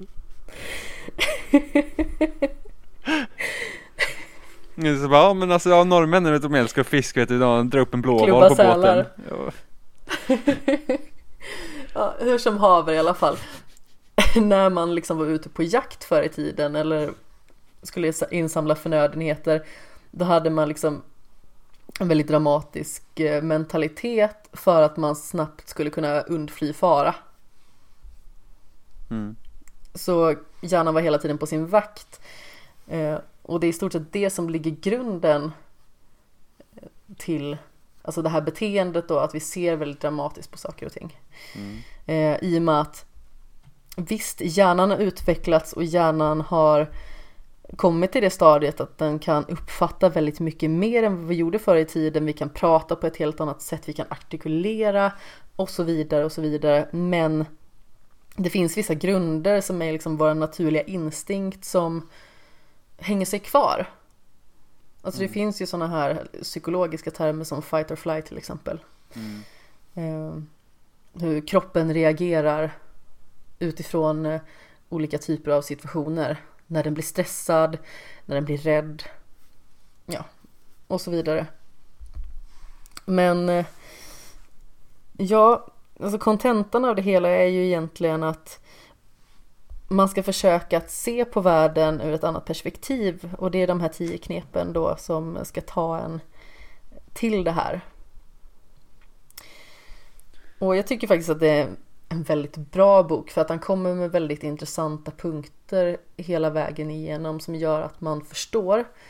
Den är väldigt svår att greppa hela vägen igenom i och med att allting är väldigt baserat på fakta.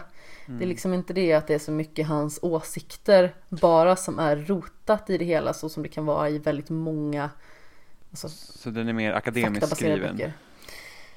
Alltså den är väldigt Alltså, alltså kör han referenser direkt i löptexten eller är den skriven som en, liksom en, en bok som vem som helst kan läsa? Alltså det skulle nästan ibland kunna vara Alltså som en, en skriven föreläsning men det finns ju mm. olika referenser till, eh, till bilder och sådant och uh, olika typer av statistik mm. som man går igenom. Som påvisar, ja men exempelvis eh, hur många som dör som barn i olika mer utsatta länder. Hur skillnaden har varit från då till nu mm. och så vidare. Um, och jag tycker att det fungerar väldigt väl för att det blir väldigt svart på vitt hur saker och ting fungerar. Man behöver liksom inte ta en vända till i hjärnan för att få det att hänga ihop utan man ser det liksom tydligt från början. Mm. Och jag tycker sånt här är väldigt viktigt faktiskt för att jag tror också att jag skulle förmodligen ha en mycket mer alltså, negativ världsbild alltså innan jag läste boken respektive efter. Nu är den här ändå från, eh, jag tror att den är från 2016 16 17 va? Ja. Någonting i den stilen. Den är ganska så ny i alla fall. Eh, men den är ändå liksom sedan några år tillbaka. Och jag tror faktiskt att det har utvecklats till att bli ytterligare ännu bättre. Det finns ju naturligtvis vissa punkter som inte blir bättre. Men på det stora hela så vägs det kanske upp av hur saker och ting förbättras. Alltså det finns ju vissa länder i världen till exempel som många ser som extremt utsatta men där liksom gemene man har en ganska så liksom stabil tillvaro. Ehm, och sättet han försöker beskriva exempelvis då är att om vi tar från en ekonomisk synvinkel så är det liksom inte rika och fattiga utan det finns liksom olika typer av steg att gå igenom och då tog han fyra stycken olika exempel på hur, hur man liksom utvecklas eh, från att man kanske har ganska så lite pengar till att man har lite mer. Mm. Och eh, jag tycker att den är otroligt läsvärd i allmänhet. Jag, jag tycker sånt här är väldigt intressant. Alltså I synnerhet hur folk upp, eh, uppfattar situationer och hur folk uppfattar världen. Mm. Det finns ju flera sådana grejer inom forskningen, inom akademin där man liksom går igenom för att det blir så lätt att man ser allt från sitt eget perspektiv, precis som du sa. Eh, för det är en jättestor grej inom feministisk forskning. Eh, speciellt om man tittar på forskning som inte kommer från västvärlden.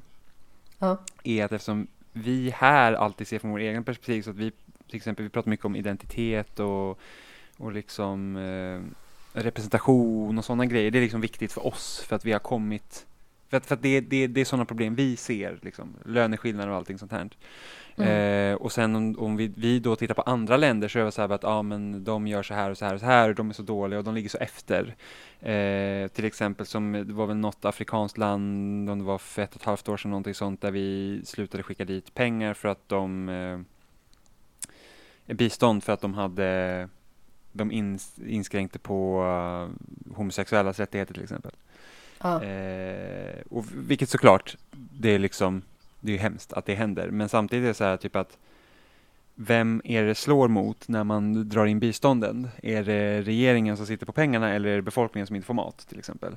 Mm. Eh, så där var det flera också som så kritiker då från Afrika, från de länderna som, som berörde liksom var så här att men alltså vi vi, eh, vi har liksom, vi har helt andra problem som vi måste ta itu med som är, som är inte säga viktigare, men liksom det är där vi är. Eh, Det är av en annan magnitud. Precis, och sen det här att om man nu tänker typ representation och sånt här, då man, liksom att det är så lätt att ja, men vi måste, det blir det här lite white savior complex, att vi måste hjälpa dem där borta. Och, och liksom säga att ja, men feminismen ser ut så här här och, och det gör inte de där borta, så de ligger efter liksom.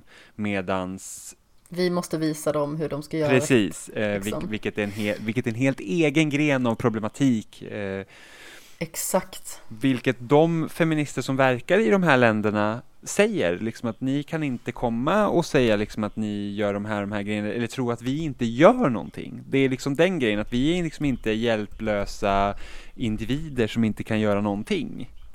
Eh, utan att vi, vi har också våra rörelser och vi kämpar också för de här, de här grejerna liksom, eh, som är lätt att glömma bort då av någon Mm. anledning. Så att det finns jättemånga sådana intressanta eh, författare och forskare som, eh, som skriver om sådana saker. Och, och liksom det här med att det, det är viktigt att lyssna och liksom ta till sig saker och liksom se hur, hur saker och ting ligger till. Att man, liksom, man kan inte gå in i allting och tro att man vet bäst Mm. hela tiden. Han tog det som exempel i mångt och mycket att om man står högst upp på den högsta byggnaden så blir perspektivet väldigt, annorlunda. När man Mm. ska försöka avgö- avgöra eh, skillnaden i höjd till de andra byggnaderna som finns under. Ja, Det är väldigt svårt att avgöra helt enkelt i och med att man står så högt upp. ja men precis. Men jag tycker att eh, inledningen på, om man skulle säga baksidan av boken, är ganska talande. Eh, När vi människor får frågor om globala trender svarar vi nästan alltid fel. Studenter, nobelpristagare och ledande politiker, alla blir besegrade i omvärldskunskap av aporna på zoo. Hur kan det komma sig? Mm.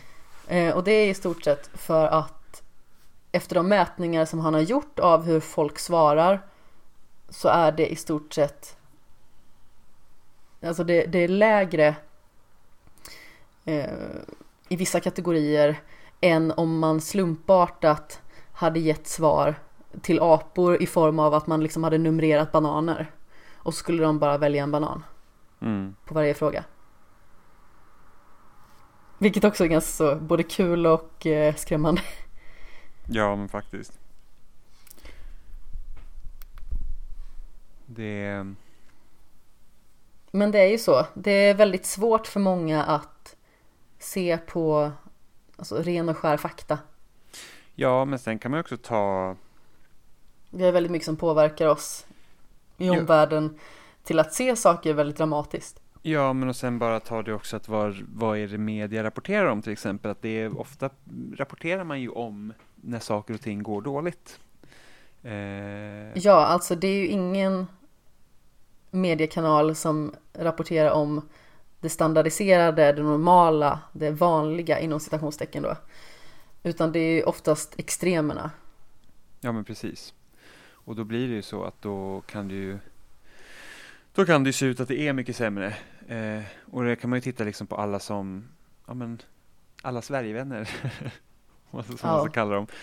De läser en viss typ av nyheter och det är det, det är de nyheter de läser och då ser ju allt mycket sämre ut. Det är därför typ eh, Nordiska motståndsrörelsen tror att de ska få jättemycket röster när det är val och trycka upp hur mycket valsedlar som helst för att de matar sig själva med det.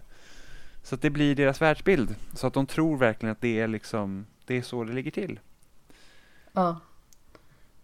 Problemet är ju där då liksom att man inte har vidgat sina vyer så att man får ett bredare perspektiv. Ja, och då är ju frågan liksom hur, hur, hur löser man det? För att jag vet ju att det är folk som pratar om filterbubblor och filterbubblor, mm, till viss del stämmer att de existerar, men det finns inga filterbubblor som inte är helt eh, slutna.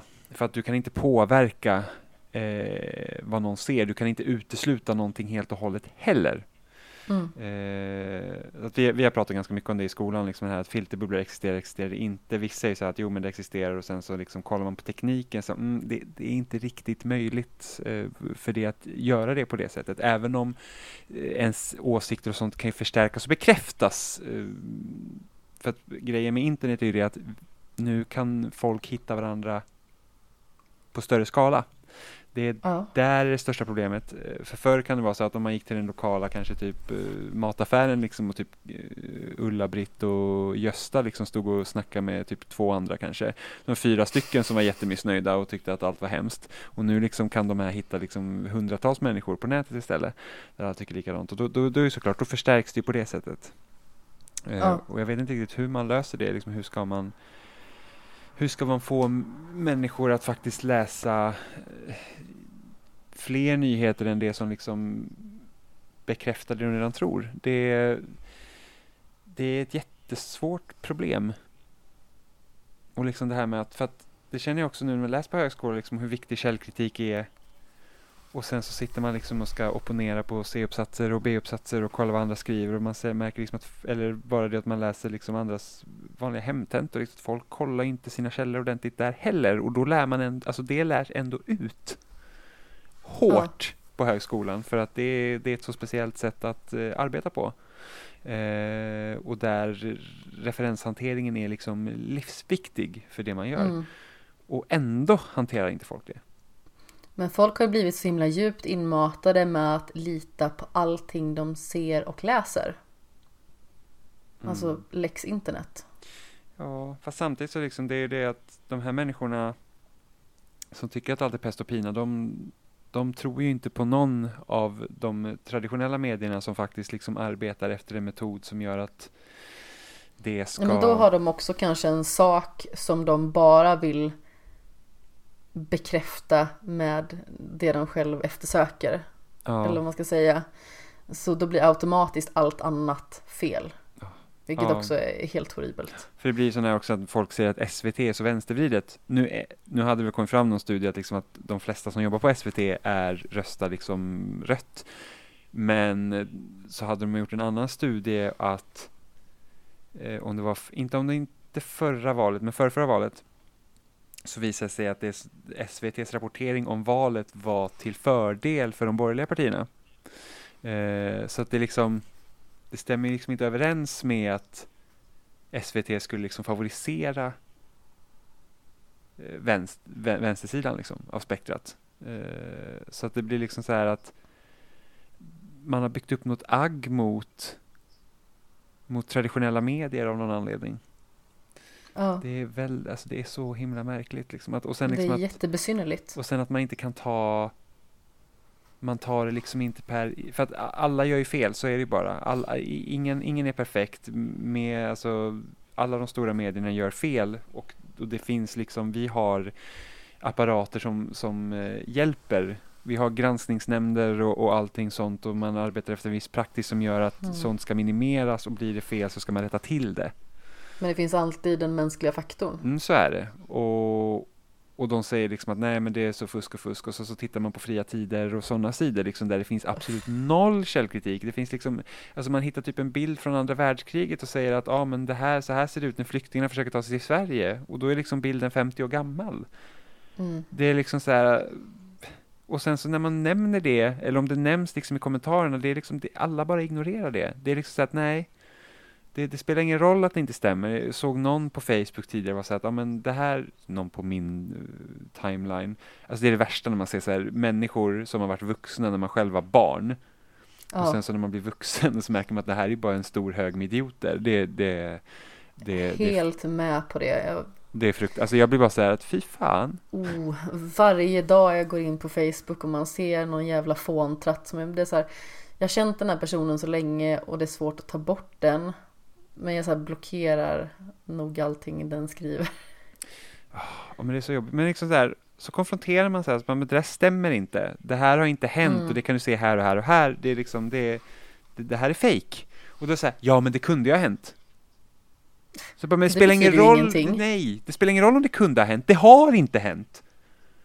En meteorit skulle kunna, en asteroid skulle kunna slå ner på jorden imorgon och så här, förinta allt liksom mänskligt liv, men det har liksom inte hänt än. Kan inte bara anta liksom, att det inte kunde ha hänt.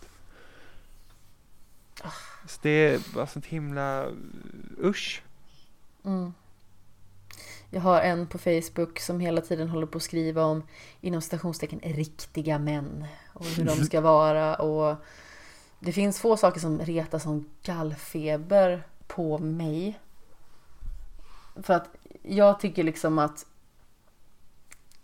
hela spektrat av människor ska få vara liksom som de vill. Ja. Och det ska liksom inte finnas någon form av stöpt form som säger att så här ska en riktig man vara. Ja. Jag menar, vad är det ens? Men hur ska en riktig man vara då? Och han tycker ju liksom att det ska vara en sån som äter biff på eh, fredagar och eh, kör eh, bänkpress. Typ. Alltså det är verkligen en sån beskyddar sin familj. Ja. Alltså, jaha, okej, okay, men det finns ju liksom människor som inte har den typen av fysiska attribut. Men de har kanske åsikter som är extremt relevanta.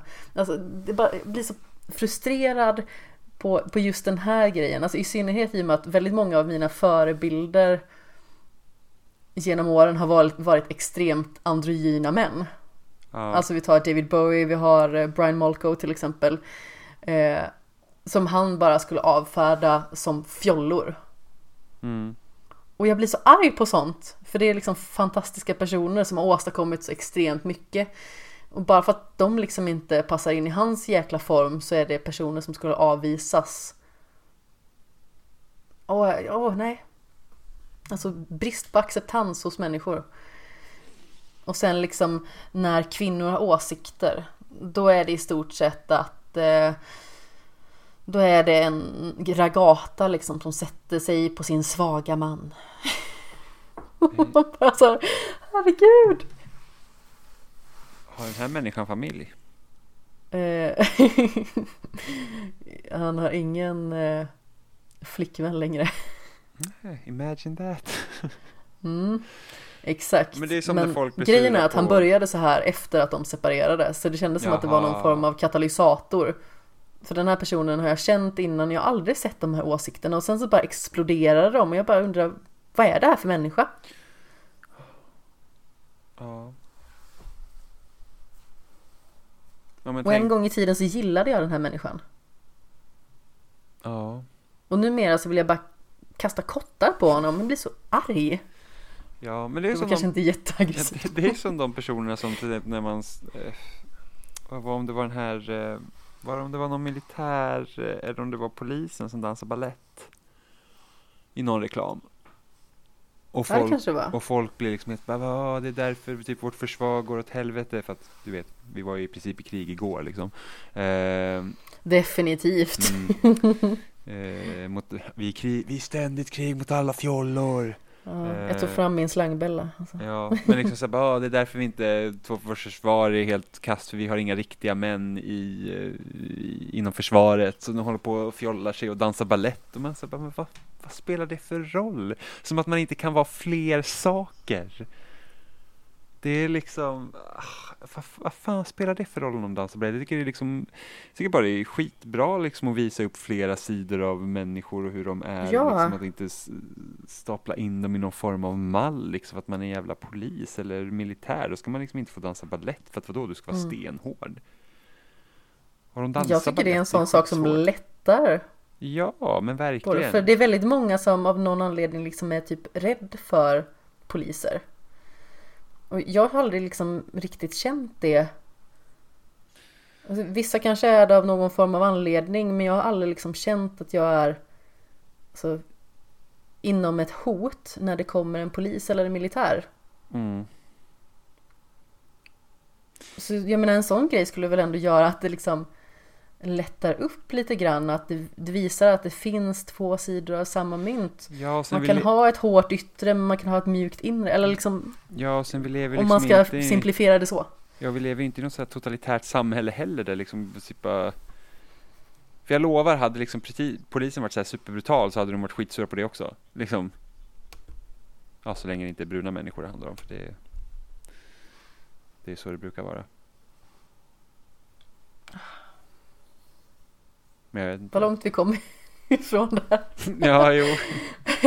Men det, ja, det, det, ja, men det finns fullt, det finns många idioter. Det gör det definitivt. Sitter vi här på våra höga hästar och bara, "Åh, alla idioter där nere. Mm. Men det är liksom, Sitter här uppe och tittar ner och... ibland blir man bara så trött. För att vissa saker, man känner liksom att det här borde inte vara ett, men liksom alla som bara, typ bara bärsar på Greta Thunberg. Ja. Och man sa- bara, Hur är alltså, det ett problem att den här unga kvinnan har ett driv som är större än de flestas och att hon har åstadkommit så himla mycket och liksom har fått en sån enorm spridning och fått sånt genomslag med det hon står för. Ja, men det mest fantastiska är ju det att hon använder all sin makt till att försöka göra förändring. Och hon använder det på ett sånt sätt som hon kan göra det. Med tanke Ja. på vilken position hon har. Eh, och det borde ju inte ses ner på. Det är ju det är en fantastisk grej att kunna göra det. För det är alla bara, hon borde gå i skolan och utbilda sig och bla di bla. Man var så här, ett, ni lyssnar inte på de som är utbildade idag, så vad spelar det för roll? Om hon utbildar sig och försöker göra någon skillnad, ni kommer fortfarande bara säga Åh, det stämmer inte. Så att, what gives liksom.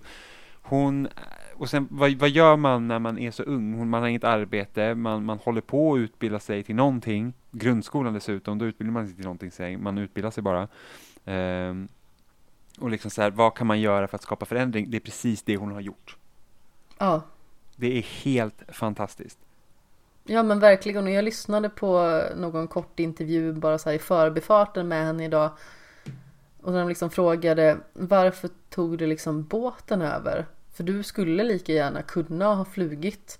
Och hon liksom säger ju det i mångt och mycket att hon vill ju vara ett föredöme och göra det hon kan för att hon älskar den här planeten och hon vill göra allt hon kan Mm. för att rädda den. Och att planeten borde vara flers prioritering Mm. på något vis. Och i och med att hon kan ta båten över så tänker hon göra det. Mm. Är så bara för hon ruckar liksom inte på det hon gör heller. Det är ju det att hon står ju fast. Nej, men Eh, precis. Och det är bara, skulle hon flyga eller någonting sånt, alltså folk skulle bli helt galna. De skulle liksom bara, Mm. liksom det visa pekpinnar hela tiden. Eh, Ja. För det, det, alltså det är så himla lustigt. För det, det är det här bensinupproret som finns eh, på Facebook. Ja, just. Och de här, och, eh, fine, alltså det, jag har ingenting emot att man liksom tycker att bensinpriset är för högt och att man inte kan, för, för att Okej, rent, rent statistiskt, det är billigare att köra bil idag än på 90-talet för att bilarna dricker mindre och eh, eh, bensinen har inte gått upp så mycket i pris. Liksom. Ja, precis. Det går ju att vrida och vända på det. Ja, precis. Men samtidigt så, vem har, alltså de som klagar på bensinpriset kanske inte heller har råd att köpa nya bilar, så de sitter med gamla bilar, så det handlar om en klassfråga. Så att det, det finns så mycket parametrar med det här. Men det här, så, så kommer alltid människor in i bilden och så ser man någon så intervju med någon typ Leffe De där människorna alltså. Ja men Leffe 57 liksom så här sitter och beklagar sig över att eh, bensinpriset är så dyrt och att hade bensinpriset varit lägre så hade han kunnat åka och hälsa på sin familj i Dalarna eller vad fan det nu var. Buhu liksom. Gubben var i Thailand för två veckor sedan. Innan den intervjun. Och man var så här bara prioriteringar? Är bensinpriset så dyrt men du kan åka till Thailand men du kan inte åka hälsa på Alltså då, då blir det lite så att okej. Okej. Visst jag förstår liksom att man ska kunna, eh, alltså det det är klart, om man vill kunna resa ska man kunna resa och så här, och man kan tycka att bensinpriset är dyrt och allting så här, men, men liksom Jaha, alltså åker du till Thailand i två veckor på semester och sen gnäller du på att bensinpriset är för dyrt och du inte kan åka och hälsa på din familj som bor kanske åtta mil bort. Det är så här att jaha. Då kanske det inte riktigt är bensinpriset som är felet. Nej, då, eller problemet. Är det liksom, precis. Men som sagt, det, det, så, såklart, det slår ju hårt mot landsbygden för sådana som måste ha bil och kanske inte har råd att köpa nya bilar. Då, då sitter man ju där med en bil som kanske dricker över en liter per mil. Och då är det dyrt. Ja, absolut. För det är liksom, alltså jag har ju bott på landet i princip större delen av mitt liv. Och jag hade en bil som drack över en liter milen så det kostade mig typ 6-7 tusen att jobba. Bara Oj. i bensinkostnader. Eh, så att eh, jag vet att det kan vara smärtsamt. Ja, så det är ju inte liksom billigt att ha bil. Nej, men som sagt, så är det ju. man måste hitta en lösning. Det är ju det som måste göra och det mm. och det är ju politikernas jobb att hitta en lösning. Och politikerna ja. idag ofta vill ha snabba lösningar. Vilket också är, det är därför liksom när eh, det blev den här flyktingkrisen var ju det att man, man man, skyller, man, man tar snabba lösningar och man skyller gärna på fel saker. Det, mm. det är ju för samma som de, om man säger att oh, invandrarna tar alla våra jobb. Men, nej, det gör de inte för att invandrare har svårt att få jobb. Eh, ja. Men eh, det finns saker vi måste fixa. Ni har bara något enkelt att skylla på. Och, och mm. säger då att befolkningen skyller på något enkelt må så vara, för de, inte, de sitter inte i positioner där de nödvändigtvis måste vara utbildade i det de uttalar sig om, men politikerna bör vara det. Absolut. Och därför är det så tråkigt att de tar till snabba lösningar. Det blir liksom så att okej, okay, men mm. eh, nu pratar vi helt plötsligt om att nu är eh, integrationen har alltid varit ett problem i Sverige så länge som jag kommer ihåg det. Vi har alltid pratat om att, att vi inte kan integrera folk tillräckligt väl. Eh, och det blir värre om vi tar in så många fler också, såklart. Om vi inte har ett bra system pass. Men liksom då är ju inte lösningen egentligen bara så att åh, här kommer flyktingar från krigshärjade länder att bara säga nej, stopp och belägg nu, ni, ni kan, vi vill inte hjälpa er längre, utan där måste vi alltid se att vi måste ju alltid kunna hjälpa. Eh, sen måste vi hitta bättre lösningar så att det blir bra för alla. Det är ingen mm. som vill fly hit för att det är liksom drömmen om att komma hit. De flyr från sina hem för att de inte kan bo där längre. Ja. Och det är alltid mycket värre. Så att det, det är liksom någonstans försvinner den humaniserande faktorn i att vad, vad är det egentligen, vi, vi, alltså vi bråkar om människoliv här. Vi har liksom folk som inte kan bo hemma. Alltså tänk om vi hade börjat fly från våra hem för att det blir krig. Mm. Och sen så flyr man någonstans, man hoppas att nu kanske vi får lite hjälp och så bara nej. Vi... När man väl kommer till det andra landet som eh, förhoppningsvis ska kunna vara räddningen så får man bara tillbaka att eh, men vi hjälper dig på plats. ja men precis. Uh, Okej, okay. ja det gick ju så bra. Ja, så att det är liksom Folk, folk... Det är så här, ja, på den platsen där hemmet stod efter det blev sprängt. Ja, folk liksom glömmer bort. Det är så, det är så lätt att bara liksom uh, göra dem till andra hela tiden. Liksom sådana som, mm. Det finns liksom ingen identitet där, det är bara, liksom, det är bara ett problem. Och det är, ja. och det är liksom så att vi ska kunna hjälpa till om vi kan. Mm. men alltså det är bara att gå in på en, ska man säga, på ett smalare ämne fast ändå någonstans i likhet. Jag har en kompis som står mig eh, väldigt nära och eh, hennes och hennes familjs hus brann. Mm. Så de kunde inte bo kvar där. De hade vaknat mitt i natten av att det brann. De hade typ tagit hundarna och sprungit ut. Och, och dagen efter så hade de liksom ingenting. Mm. Och då var det liksom så här att folk, folk hjälpte ju som de bara kunde. Alltså jag kom ju med jättemycket kläder så att de kunde liksom byta om för de eh, hade liksom fortfarande alltså, kläder med rök. Alltså de luktade brand mm. fortfarande när jag träffade dem. Eh, liksom se till att de hade någonting de kunde köpa mat för, alltså sådana grejer. Så alltså om man bara tar, det är ju på en sån liten skala, det här är en familj på tre personer. Mm. Och som folk liksom blir villiga att hjälpa.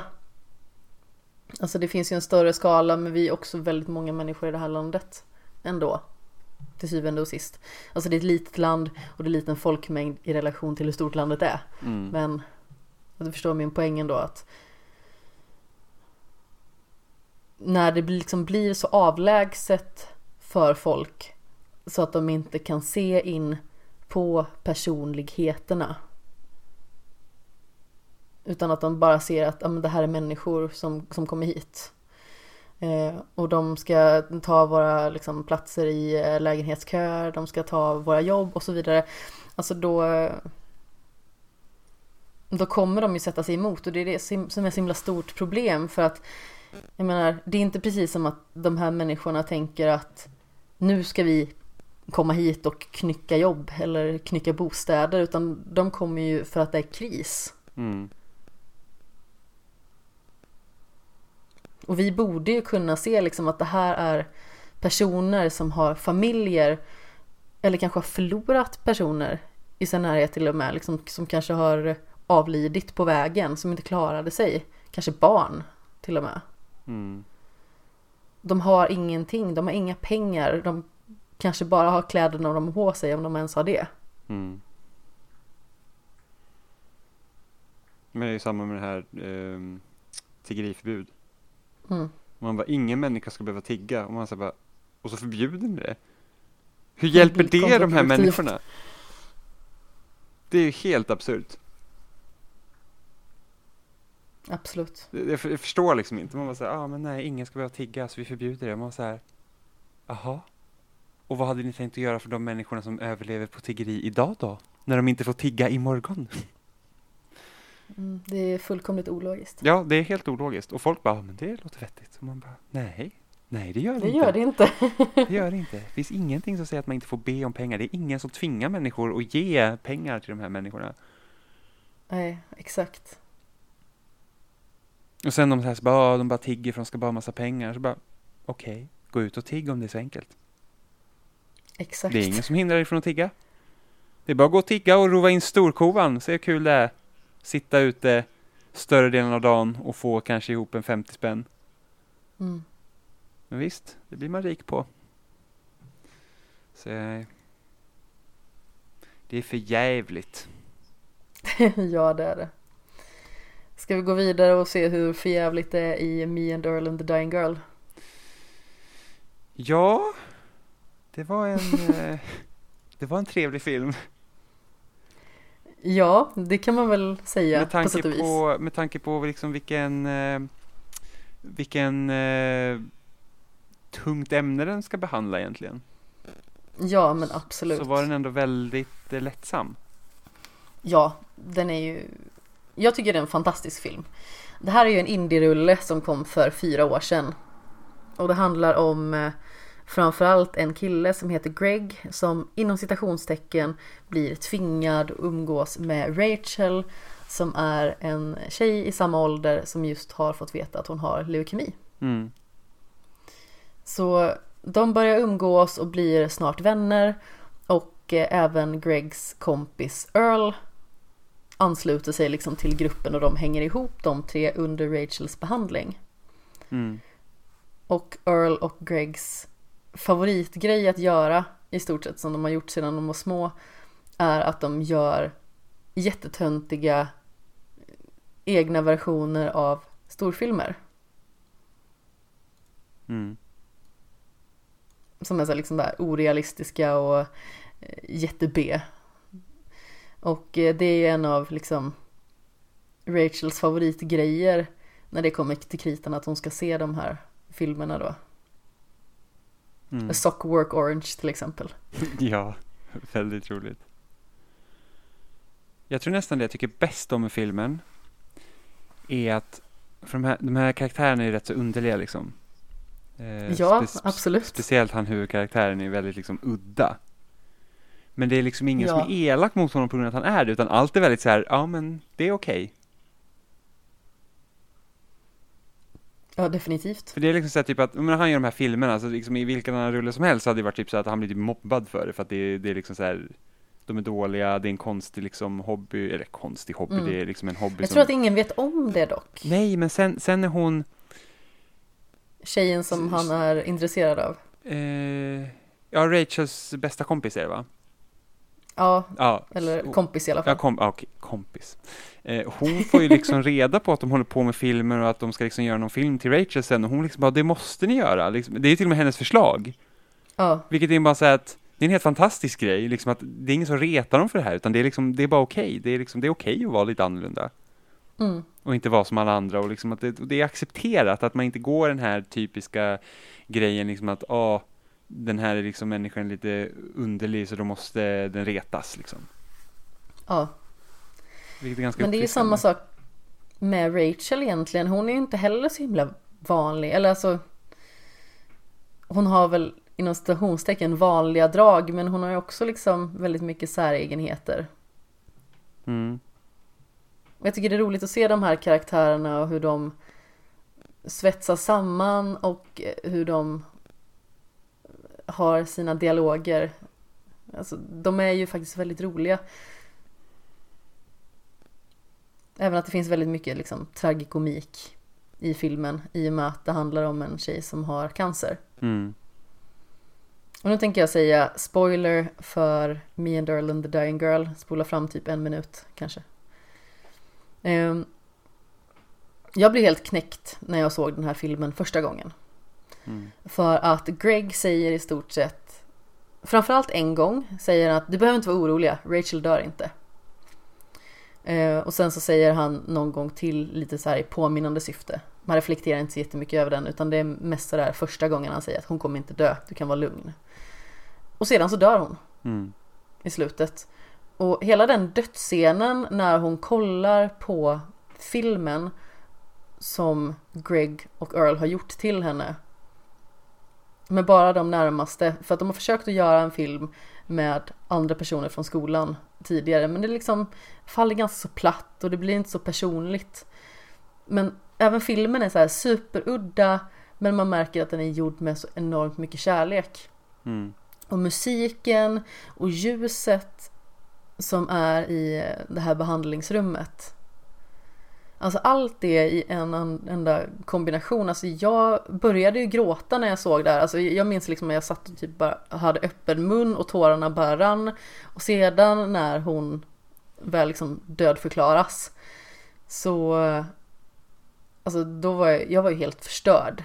Alltså Mm. jag ser ju ut som, jag vet inte vad, jäkla melon i huvudet liksom. Helt fruktansvärt. Alltså jag, nej. Jag var helt knäckt över liksom så här, hur kan de lura mig så och säga att hon inte ska dö? Jag litade blint på det. Mm. Alltså jag vet att de flesta inte gör det där, men jag gjorde det. Jag tror att det är för att filmen är så lättsam i sig, Ja, så då tror man liksom att ja, men då, det, det kommer gå bra liksom. mm, jag var helt förstörd när jag sett den första gången. Du var det- inte lika förstörd i alla fall. Nej, nej men jag, eh, jag minns, alltså när han sa så att nej hon kommer inte dö, jag bara okej hon kommer dö. inte en chans att hon klarar sig nu liksom. Eh, lite smartare än jag. men hon, eh, jag tycker, jag tycker det är så obehagligt sätt att hon dör på också. Liksom att de, de för att hon är ju sjuk va, men hon verkar inte vara så sjuk att det liksom säger att ah, hennes dagar är räknade typ. När de kollar, när de sitter och kollar på filmen, för det liksom känns ändå relativt normalt. Ja men alltså Det är väldigt länge som det verkar i filmen Som att hon kommer bli okej Mm. Och sen så till slut så orkar inte hon mer Så hon avslutar sin behandling och Ja, dör Ja, men det kommer, så, det kommer plötsligt, hon får bara svårt att andas helt plötsligt, liksom när hon sitter där och sen så bara så här, det är slut. Alltså det har ändå gått ett tag Sedan hon Liksom Jo, jo, men alltså när de tittar på stängde film, av behandlingen men när de tittar på filmen liksom, för att man Ja. tänker inte att hon ska dö då, för det såg liksom helt okej ut. Ja Men det är så himla jobbigt också att kolla på för hon sitter och gråter också Han är helt uppgiven Och sen så bara får hon svårt att andas och blir ivägkörd Mm. Eller rättare sagt, de blir utkörda ur rummet. Jag har svårt att föreställa mig också hur det känns att bara liksom att om en kroppen bara lägger av. Ja. Och man kan liksom inte göra någonting åt det. Nej, men jag har svårt att föreställa mig hur det skulle liksom kännas att det är bara så att ja, ena stunden så går det bra och sen så bara nu, nu håller allt på att stänga ner. Mm. Fast det märks ju att hon är extremt loj. Liksom. Jo. Att hon inte har någon energi. Hon, hon ser verkligen Men det- riktigt sjuk ut men det kan i också- sista scenen. Det kan ju också komma av alltså efterföljden av behandlingen också. Jo men precis, alltså den totala utmattningen och hur dåligt man mår under tiden och så Mm. vidare. För då, då känner man sig helt utmärglad. Mm. Ja, Jag har ju inte behövt gå igenom det men det har ju du. Ja, nej men alltså man blir, man orkar ingenting. Det är liksom man blir, för att man är inte sjuk innan man får behandlingen så att säga, i princip. Mm. Beroende på vad man har då. Fortfarande, jag, Ja. jag, jag hade ändå en väldigt rimlig, eller mild cancerform, om man säger så. Mm. Eh, men alltså det, det blir, man, man, liksom, man orkar ingenting. Man får medicin, man, man sover och man, man känner sig helt orkeslös. Och man Ja. känner att något liksom är fel. Eh, Mm. och speciellt liksom, jag har alltid varit stark och sådär så det, och sen så orkar man knappt bära liksom en fem liters hink med vatten för att det liksom är för tungt. Mm. Så det blir liksom Nej, det, det, det är en märklig känsla. Ja, jag kan tänka mig det. Jag har ju inte som tur är varit så försvagad utan då har det liksom varit av andra faktorer, typ att jag har brutit någonting Mm. eller, eller så. Och då är det lite lättare att ta på för då är det liksom inte att kroppen håller på att bryta ner sig själv. Mm. Utan då är det liksom mer, okej, det är benet, det är brutet, det har två sprickor i sig. Mm, det är inte så konstigt att jag inte kan gå på det benet. Mm. Men när det inte är så synbart, då blir det så läskigt. Mm. Ovisst. Mm. Ja, det är fruktansvärt är det. Men jag tror att diabetesen kändes nog obehagligare vid det tillfället för då visste man inte vad det var heller. Mm. Även om jag misstänkte det. Men eh, Jo men precis. för cancermedicinen var så att ja, jag har fått medicin, det är därför jag liksom är dålig. Och där var det bara så Ja. att det kändes som man tynade bort bara. Liksom, så man bara, okej, något händer för att det här är liksom inte normalt. Mm. Så att det, ja. Det är spännande. Ja absolut. Jag tycker avslutningen är så fantastiskt fin i den här filmen för övrigt. Han är ju helt förkrossad och går upp på Rachels rum när de har eh, begravnings... Eh, vad heter det? Jag höll på att säga sammankomst men det heter det ju inte. Eh, Vaka, va? Vaka ja, precis. Då går han in på hennes rum. Han har ju fått en bok som i mångt och mycket liksom går ut på att han ska studera vidare. Så det är liksom en stor bok som han öppnar och då har hon liksom klippt ut en liten figur i den. Och sedan så börjar han leta vidare i hennes rum och då har hon gjort så med jättemånga saker. Alltså att på något ställe så är det en isbjörn till exempel som hon har klippt ut i det här pappret. På något ställe är det en bild av när de en gång satt och åt glass tillsammans alla tre. Och sen så har hon ritat ekorrar på väggen för att hon och hennes pappa brukade räkna ekorrar tillsammans. Alltså hela den scenen den är så eh, fantastisk när han bara går runt och upptäcker nya saker i hennes hem Mm.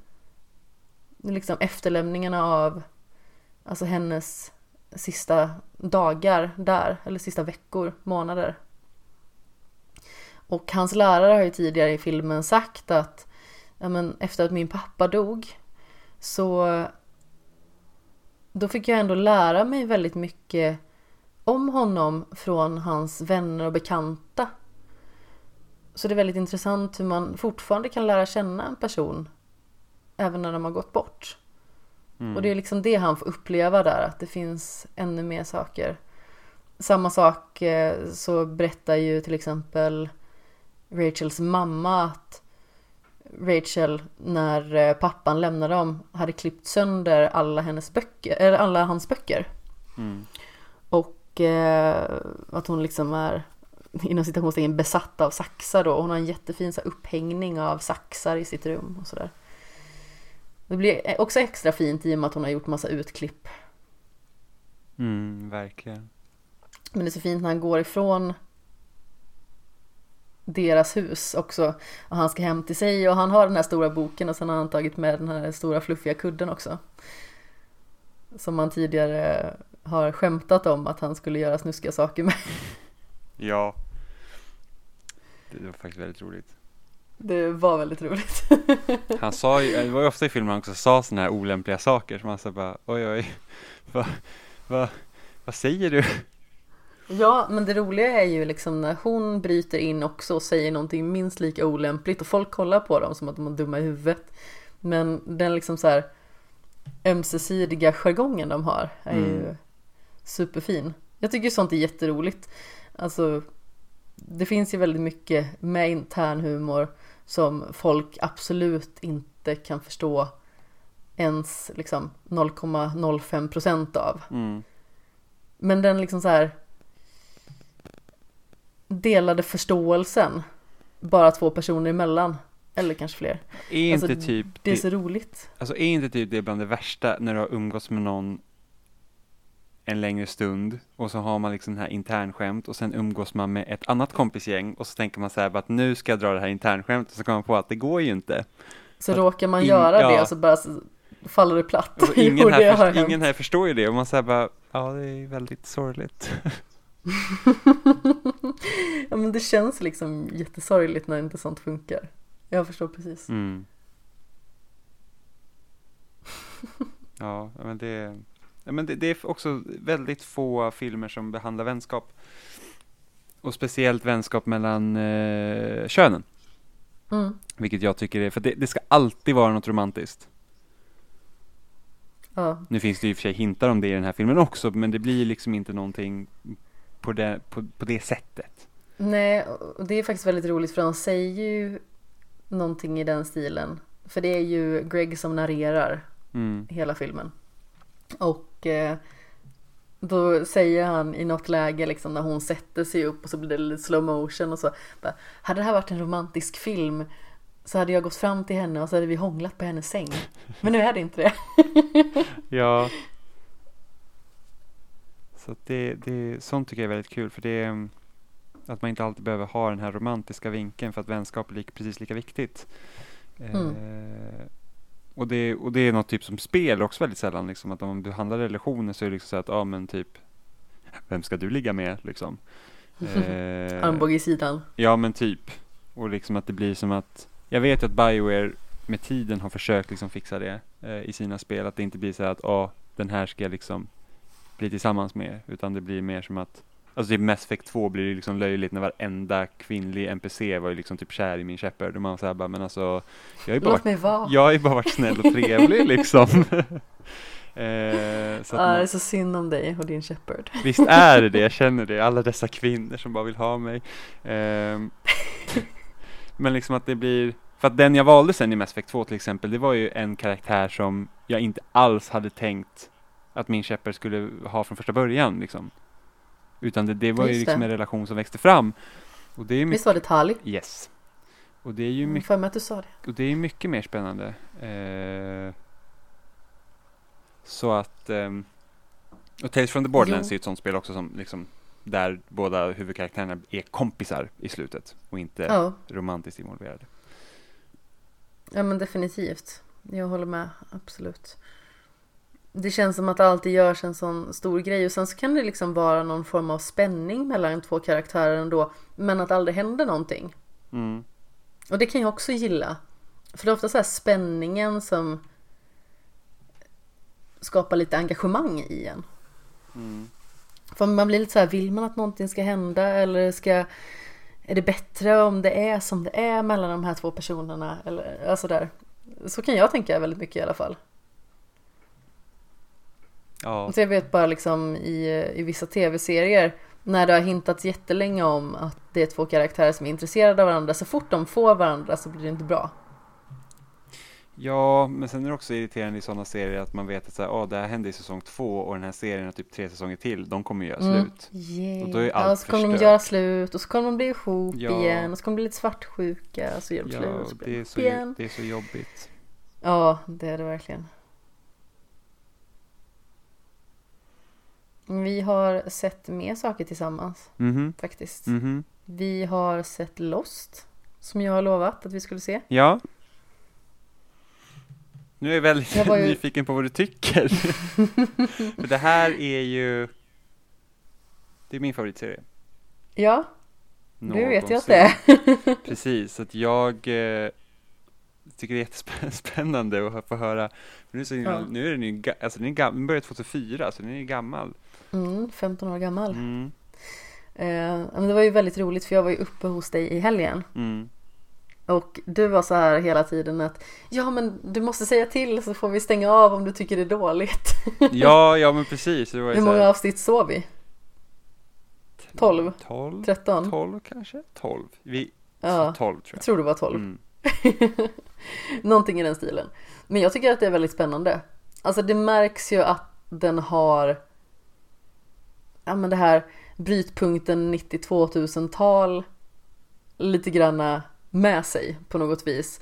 Med tanke på hur karaktärer beter sig mot varandra. De står liksom och sneglar väldigt surt på varandra i väldigt många scener till exempel. Mm. Och så har vi eh, väldigt tveksamma frippor. Nej. Lex Sawyer. Nej, inget ont om Sawyer. Boone också, hans frisyr är inte okej. Ja, nej men Bo, det finns inget som är okej med Boone. Han är inte så dålig tycker jag. Nej, vilket stort, vilket misslyckande. han, han, är bara, han är bara jobbig tycker jag. Men vad är det som du tycker är bra med serien om vi tar det så från början? Jaha. Eh, Jaha, jaha. åh Eh, nej. nej men alltså jag tror att när den kom så var den så himla, just med att allt är så himla mystiskt och det är lite märkligt och att det är liksom ganska snabba och med den här ön som de är på, liksom det, är, det är liksom till synes först bara okej, vi har vi har kraschat med det här planet och då tänker man liksom att okej, de ska överleva på den här ön tills hjälp kommer. Det är liksom, det är liksom huvudpremissen när man börjar se den och sen så i slutet av första avsnittet så, så det är någonting i ju djungeln som låter konstigt, det smäller, det är liksom, och träden rasslar. Och man tänker, vad i helvete är det här? Det är liksom först då man börjar liksom inse att okej, den här ön är, det är någonting som inte stämmer. Eh, Ja. och, och, och de av så, så många avsnitt som vi såg så var det ju att det det, eh, det, det uppdagas ju nya mysterier hela tiden. Eh, Ja precis. som liksom- Personer som har varit där liksom i typ 16 år. Ja, men precis, bara en sån grej, bara, oh shit, någon har redan varit på den här ön liksom. Eh, Och någon är tydligen fortfarande kvar där. ja, precis, och sen eh, en, en av de här överlevarna då, Lock, som liksom, han, han, han har varit rullstolsbunden och nu går han, för att de har landat på den här ön. Eh, så att det är alla de grejerna som, som gör liksom man verkligen drogs in i serien. Eh, sen över tid så utvecklas det som att det är karaktärerna man stannar kvar för sen. Så att det är liksom karaktärerna är så pass viktiga. Och, och jag tror liksom just det här med att de har, man har så många karaktärer som kommer från så många olika bakgrunder och slänger in dem på en ö där de, där de liksom måste eh, samsas och samarbeta och interagera med varandra gör det så himla intressant bara ut så här karaktärsdrama. Mm. Jag tror det är det som jag tycker är, jag tror mystiken, blandningen mellan karaktärerna och hur det liksom binds ihop hela allting, det, det är liksom det jag tycker är spännande. Ja, och även där liksom som vi pratade om innan, liksom klyftor som uppstår av så primitiva saker egentligen. Det finns ju ett koreanskt par med. Mm. Och där är det liksom saker som uppstår som man alltså bara från början inte fattar. Hur kan den här snubben bli arg på en annan snubbe? Vad, vad är grejen? Vad har han gjort? Vi har inte fått se att han har gjort någonting. Mm. Och då visar det sig att det är en klocka till exempel som den ena snubben har hittat och då tillhörde den eh, den här eh, San som frun heter då. Hennes pappa var det va? Ja. cyklar. Precis, jo det stämmer, stämmer. Mm. Och, och sådana grejer. Och det är sånt som man inte riktigt får se. Och de kan ju inte prata med varandra. Eller det uppdagas ju sedan att San faktiskt har lärt sig engelska för att hon har tänkt att fly till USA. Mm. Men mannen kan inte engelska. Mm. Så det är liksom en hel språkbarriär där också när man liksom försöker att vifta med fingrarna och fasen och hans moster för att försöka göra sig förstådda och då kan man ju liksom bara göra det via aggression tydligen, så som Ja, ja, går på varandra. helt galen liksom. En av de roligaste scenerna måste jag bara säga för jag noterade under hela se- seriens gång att när det väl var liksom slagsmål och sånt då var det väldigt så här hårda liksom träffljud. Ja, Det var liksom så här, så här låter inte ett slag egentligen. Utan liksom så här superhårda, massiva träffljud. ja, Så det liksom vibrerar i väggarna när man tittar på det. Och då är det när slagsmål uppstår mellan de tidigare två nämnda männen. Och så är det en som liksom ska komma till räddning och det är verkligen så här, det är så här superhårt ljud när han krockar in i den människan. Och jag kunde liksom inte låta bli att skratta för det såg så himla roligt ut ihop med hur det faktiskt lät. ja, För det är liksom så här, du vet ett trumljud på en synt. mm, Det var lite det ljudet på något vis. ja, Men jag tycker absolut att det är spännande. Sen så finns det ju vissa karaktärer som man tycker mer och mindre om. Jag, jag tycker ju att Sawyer är lite jobbig. Sawyer är jobbig. Jag vet att du säger att han växer på Ja. Han har inte vuxit så jättemycket nej, än. men, nej, men jag, Men det jag, kanske kommer i kommande säsonger. jag, vill inte, jag vill inte spoila vad som händer liksom. Nej, Någonting, såklart. För att, det, för att, att man överhuvudtaget har lyckats inte få den här serien spoilad för sig, en bedrift i sig. Mm, tack. Men, eh, det, ja, nej, den är verkligen bra. Men här har vi också en relation hittills. Alltså nu har vi sett 12 avsnitt. Hur många är det på första säsongen? 22. Ja, då har vi i och för sig 10 avsnitt till och eh, gnaga oss igenom där. Men vi har ju en av huvudkaraktärerna som spelas av eh, Evangeline Lilly. Mm. Vad är det hon heter? Yes. Serien? Eh, Kate. Ja, eh, och eh, snubben som är intresserad av henne heter Jack. Jack, Och precis. Sawyer. Ja, men oh, den är jag Sawyer. Jag blir så provocerad av honom, inte. hans, hans eh, semipage. Eh, men hur som haver så där är det också så att det är en sån spänning mellan Jack och Kate hela tiden. Mm. Men det bryter inte ut. Och sedan så finns det sådana här saker i bakgrunden som till exempel att Sawyer är intresserad av henne också. eh, Vilket irriterar Jack. Och så det skapar liksom en, en spänning i ett hjul på något vis. Mm. Och det hade inte varit lika spännande om de hade typ legat med varandra med en gång. Ja, nej men precis. Nu vet jag inte ens om de någonsin kommer göra det. Det kanske Jag de kommer, det inte kommer de säkert göra. Nej, gör inte det för vi har inte sett klart än. Nej. Men jag tycker att det är skönt när det liksom dras ut på så. Att det liksom inte blir så himla så här, ja, Mm. direkt kastas på en. Ja, men precis. Men det är ganska roligt för att det vi pratade om i helgen också var ju att det är väldigt tidigt som de här karaktärerna bara, äh, det här är vårt liv nu. Ja, jo, Och precis. så börjar det, de liksom så här, Ja, det var så här typ så här en och en halv vecka eh, in, då bara vi hem. flyttar till grottorna och nu lever vi här och så här pratar om Adam och Eva och grejer och man säger Ja, jag, hade, jag kom inte alls ihåg att det liksom var, för att när man följde på tv då var det liksom där, kanske var det runt avsnitt eh, 7-8, så det var ändå två månader in liksom. mm, Men när man såg liksom flera avsnitt i rad, då var det så här, det där är, alltså de har accepterat det där ganska snabbt. ja, Alltså jag kan ju tänka mig, hade det Ja, på de- riktigt så hade man fortfarande så här vecka tre, så bara hallå, kommer ingen? liksom. ja men precis. Det är ingen som vill komma och rädda mig. Mm. Ja. Och sen är det också intressant med de här, eh, för det är typ en av de första tv-serierna som hade flashbacks. Ja, Som man fick liksom se, så att vi får ju också lära känna karaktärerna i fragment. mm, en och en. Eh, precis, en karaktär har ju ofta, det är liksom ett avsnitt per karaktär i princip, som följer alltid någon.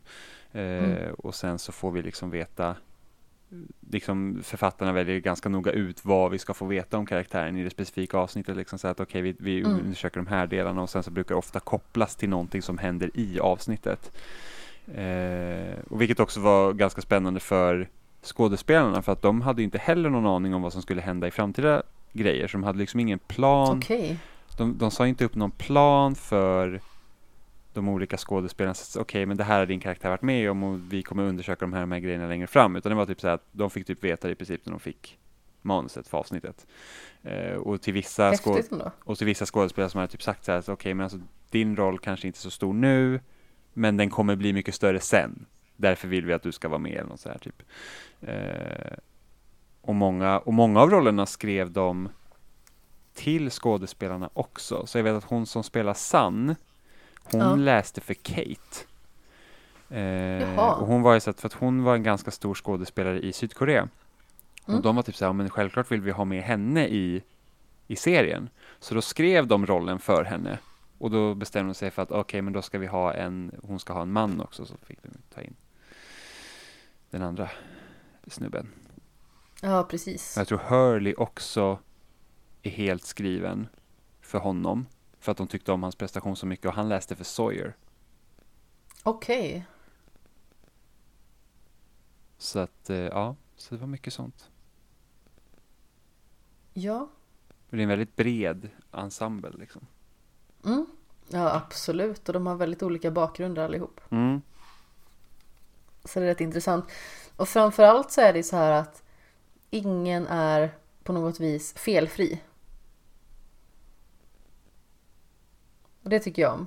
Att man liksom märker att alla karaktärer har något i sitt förflutna som inte är helt hundra. Mm. Så det finns liksom ingen så här, den perfekta karaktären. Mm. Nej, ska säga. precis. Alla har ju någonting. Även att Jack till exempel uppfattas hela tiden som Peter Perfect. Så eh, har han ju också en del i sin garderob, om man säger så. Ja. Exakt. Jag vet inte om vi har något mer att säga om Lost. Har du något mer att säga? Nej, inte vid det här tillfället. Jag tänker att vi kanske ska gå vidare till den sista delen då. Vi lär ju sväva iväg i alla fall. Ja. Vi var ju på bio Mm. och eh, såg It Chapter 2.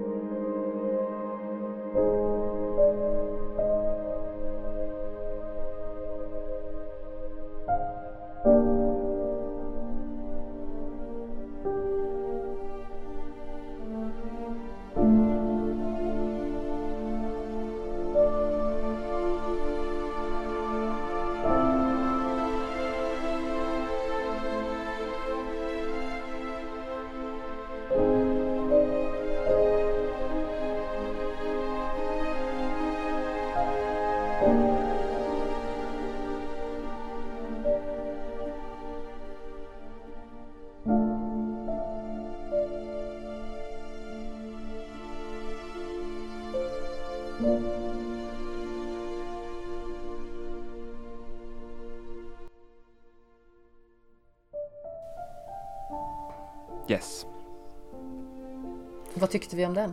Eh, ja. Den var... Den var lång. Den var väldigt lång. Den var faktiskt två timmar och 50 minuter lång. Ja, den var...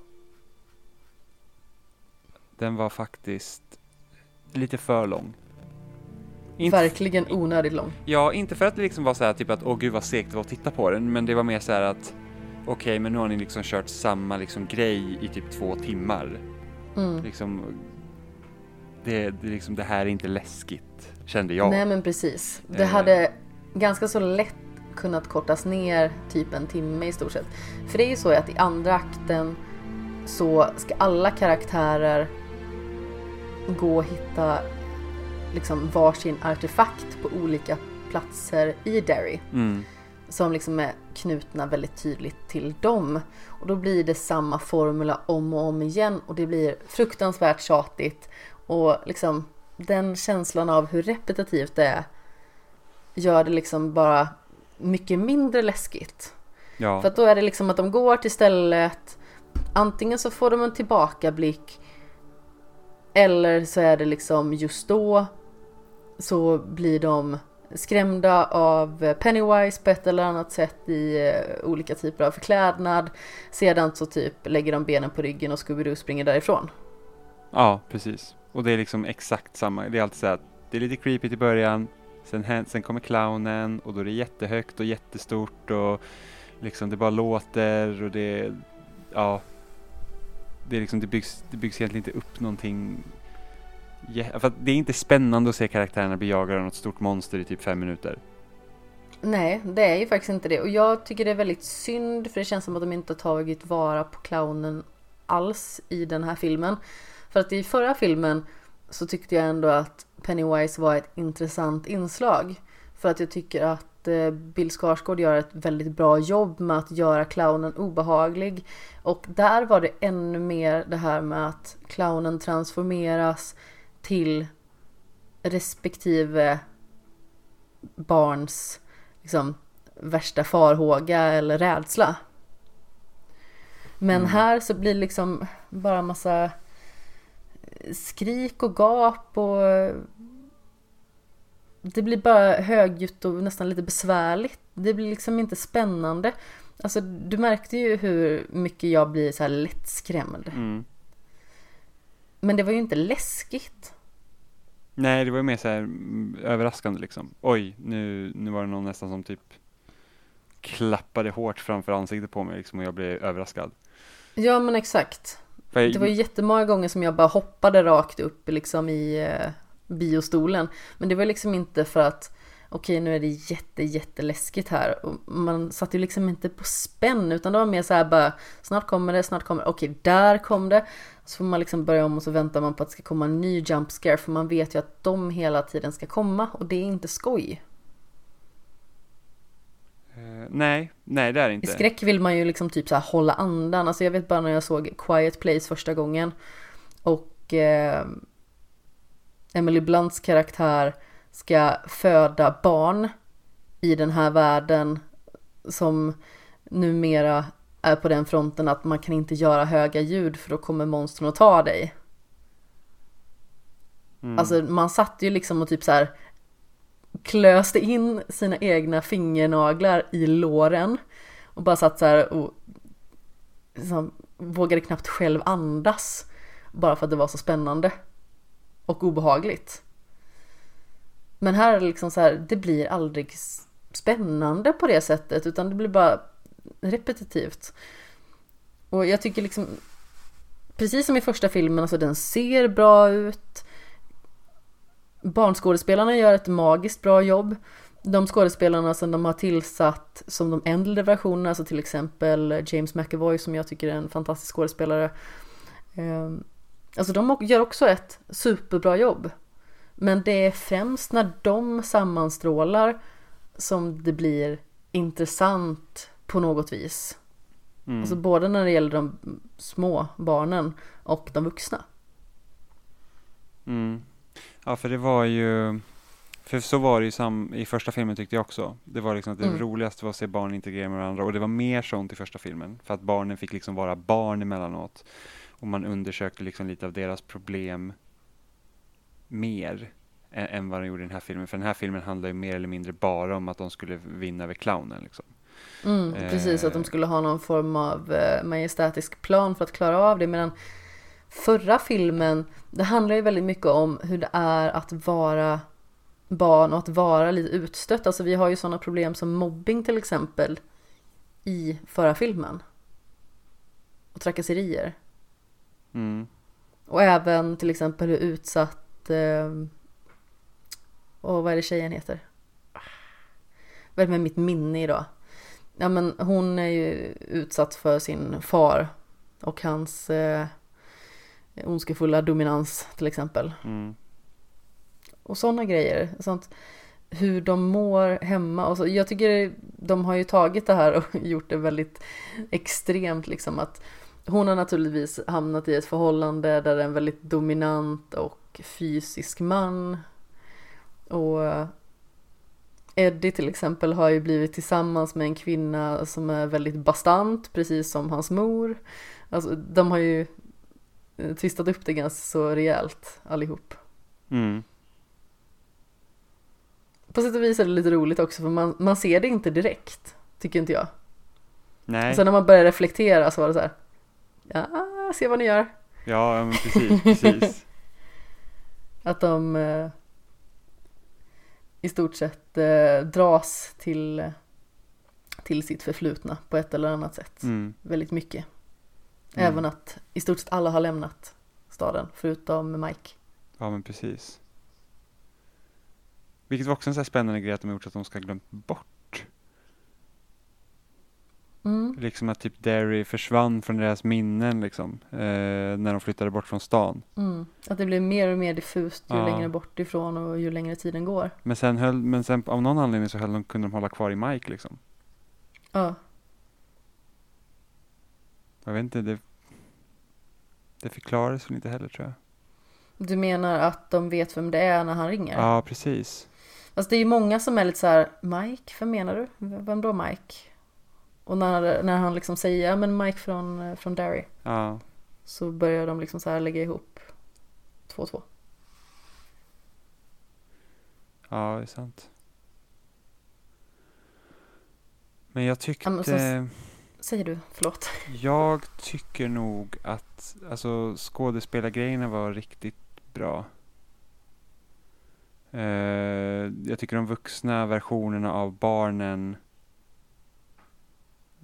fungerar väldigt väl. Ja absolut, de är jättelika. Ja, Alltså en karaktär som lätt glöms bort till exempel, det tycker jag är ju Eddie. Han glöms ju Ja. ganska så lätt bort även i den första delen. Men jag tycker att han är jättebra som vuxen Eddie. Eller vad man ska säga, för att det är så extremt likt i maner och beteende hela vägen igenom. Och skådespelaren gör ett så bra jobb. ja verkligen. Det har de verkligen gjort. Ehm. tyckte du att det var lite synd att, åh vad heter han nu då? Eh, han som dog i början, han som tog livet av sig. Och, mm. Ja, jag vet precis vem det är du menar. Vad tusan är det han heter? Ja, han blir ju så förskräckt i mångt och mycket när han får reda på att eh, de vill att han ska komma tillbaka så han Mm. begår självmord. Precis. Och jag kommer inte ihåg det, men det var lite synd att inte alla var samlade för att jag kommer ihåg att det hade varit spännande att se honom där också. Men det förklaras ju också i slutet sen varför varför, Mm. eh, varför det blev som det blev. Eh, Definitivt. Eh, Stanley Uris. just det, så är det. Men alltså, hur har de spelat in barnen? Har de föryngrat dem med hjälp av CGI? Jag vet inte. Det måste de ju ha gjort. För de här, kan, de här scenerna kan de ju inte ha spelat in när de spelade in förra filmen. Nej, jag tror inte det. Nej. Och, och, För att de och, ser ju typ samma ålder ut. ja, precis. Det ser lite, vissa ser lite konstiga ut tycker jag ibland. Och då börjar jag tänka så här, tänk, har de använt någon föryngringsteknik på de här? Fast är du säker på att inte det bara är i ditt huvud då? Jag och vet inte, men det, det har gått två år. Alltså om man jämför med hur, nu ska vi se, Mike, visst är han som är med i Stranger Things? också? Nej, nej, Mike är, vad, vad heter Stranger Things-ungen? Ehm, Jag kommer inte ihåg vad han heter i, men jämför i honom, filmen. jämför honom här, Han heter däremot Mike i Stranger Things. ja det gör han, men jämför honom här med han som gått till senaste säsongen av Stranger Things så är det stor skillnad. Ja, jo, det är det nog faktiskt. Så att de måste ha gjort någonting, för jag vet att ibland när man såg Bill så tyckte jag att han såg så här, okej, s- det där ser konstigt ut. Det, det, och, Ja, och, kanske. Och, och Eddie kunde också se väldigt konstigt ut, och sen undrar jag hur de gjort med rösterna då i så fall, är det, är jättemärkligt.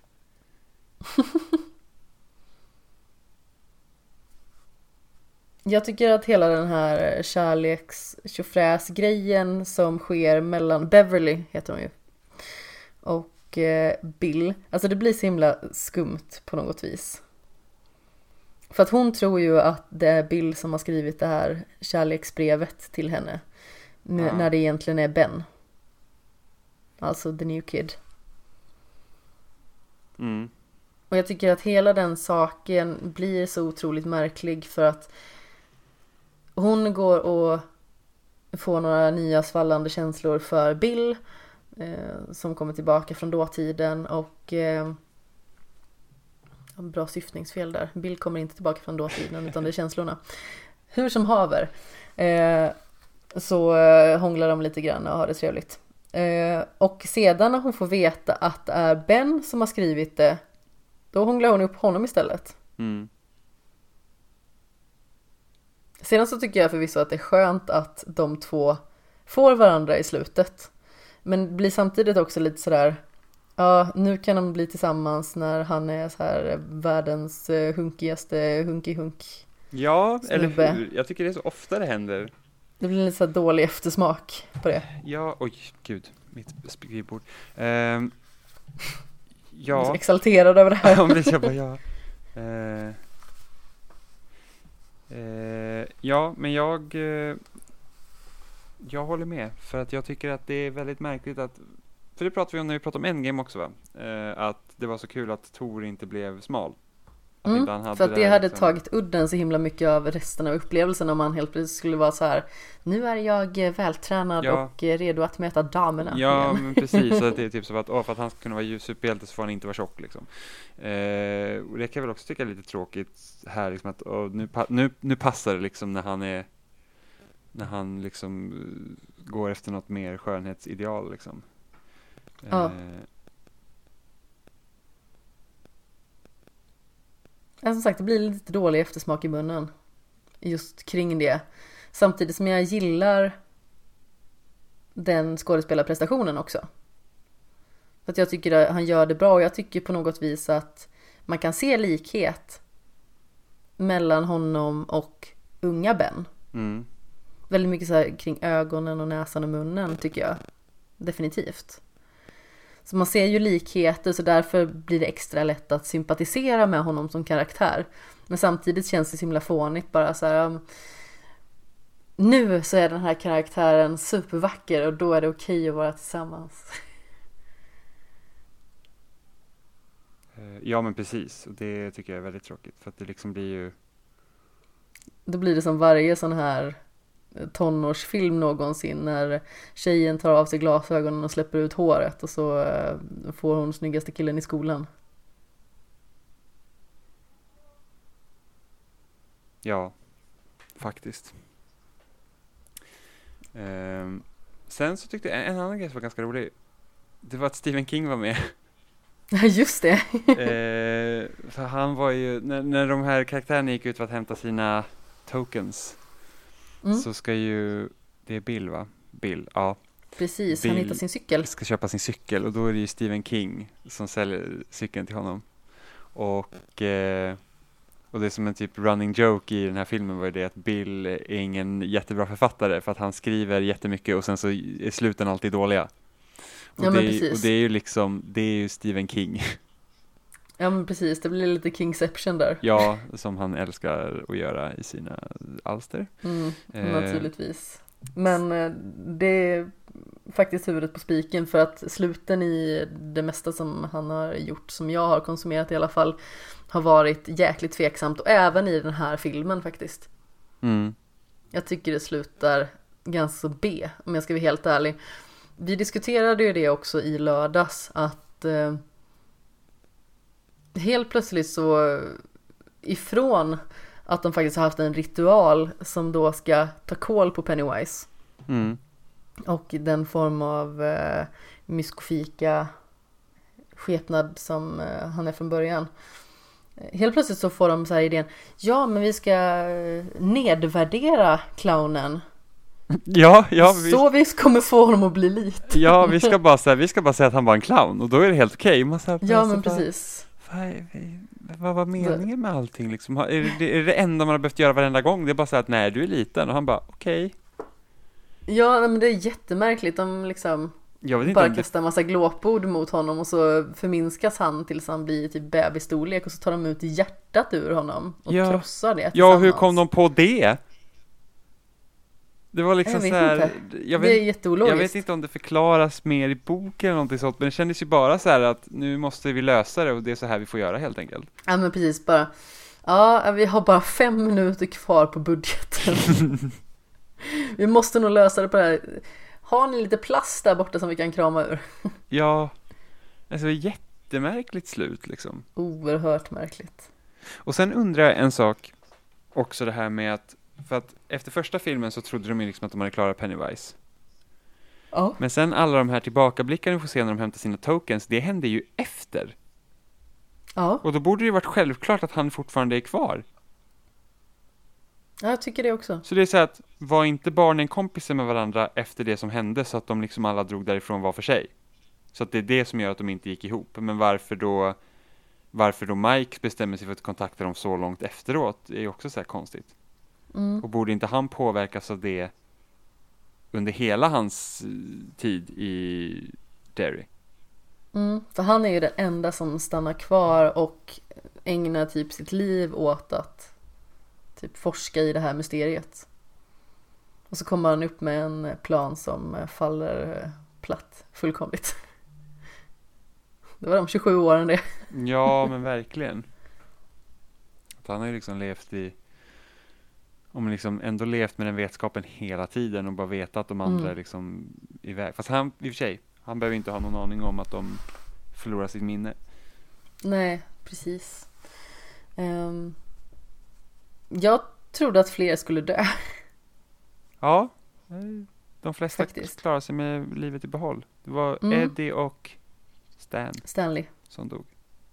Mm. Och Stanley dör ju redan innan alla kommer dit. Ja, Som det utspelar sig, naturligtvis, jag tycker det är synd att inte han får sammanstråla med, för jag gillar honom som karaktär ändå. ja jag med. Men samtidigt så tycker jag att, precis som du sa innan, att det var intressant att det blev som det blev. Mm. Och vi hade inte behövt ha en till 20 minuters token berättelse mitt i filmen. Nej, verkligen inte. Ehm, Däremot så hade jag inte varit främmande för att fler skulle dö. Men det var ganska så uppenbart vilka som satt säkra. Mm. Jag tänker ju att Mike hade förmodligen stått näst, näst på tur ifall någon mer skulle dö. Ja, det tror jag också. Jag, var, jag trodde nästan att han skulle dö tidigare. Mm, jag trodde att, eh, att han skulle dö när hela den här ritualen hade fallerat. Oh. Typ när han stod och blev helt eh, förstenad av skräck. Mm. Ja, det var det nära. Mm, det var det. Men eh, som de flesta gånger i den här filmen så räddade de sig i absolut sista lilla sekund. Mm. Det var ganska sorgligt i och för sig när Eddie dog, tycker jag. Ja. Ja, det, det var det var liksom så här, för de hade ju precis klarat det. Jag trodde fan att han skulle klara sig ett tag där. Mm, Och sen liksom Bill han Haders. dog precis. Precis i slutet ja. Och sen Mm. Bill Haders karaktär var så himla uppgiven. Ja, det, han gör faktiskt en väldigt bra eh, porträttering av eh, den karaktären som vuxen också. Ja men verkligen. Och sen han, ja, alltså, jag har ju typ inte sett något. Jag har ju bara sett typ sketcher från SNL med Bill Hader. Och jag, jag är inte överdrivet förtjust i SNL. För jag tycker att det är liksom så här. Det känns så spelat många gånger. Att det liksom, Mm, det, blir, absolut. det blir inte kul. Jag håller med. Ehm, men han ska ju vara jävligt bra dramaskådis också för han, han, han gör den här, eh, han har ju den här tv-serien på HBO, Barry. Där han Mm. spelar lönnmördare som eh, sadlar om till skådespelare. Just det. Och den, alltså, och jag var så här, när alla bara Barry är så bra, jag var så här, "Ah, jag vill inte se Bill Hader, men vad fan. Men det känns som en sån karaktär som man har lite svårt att ta på allvar.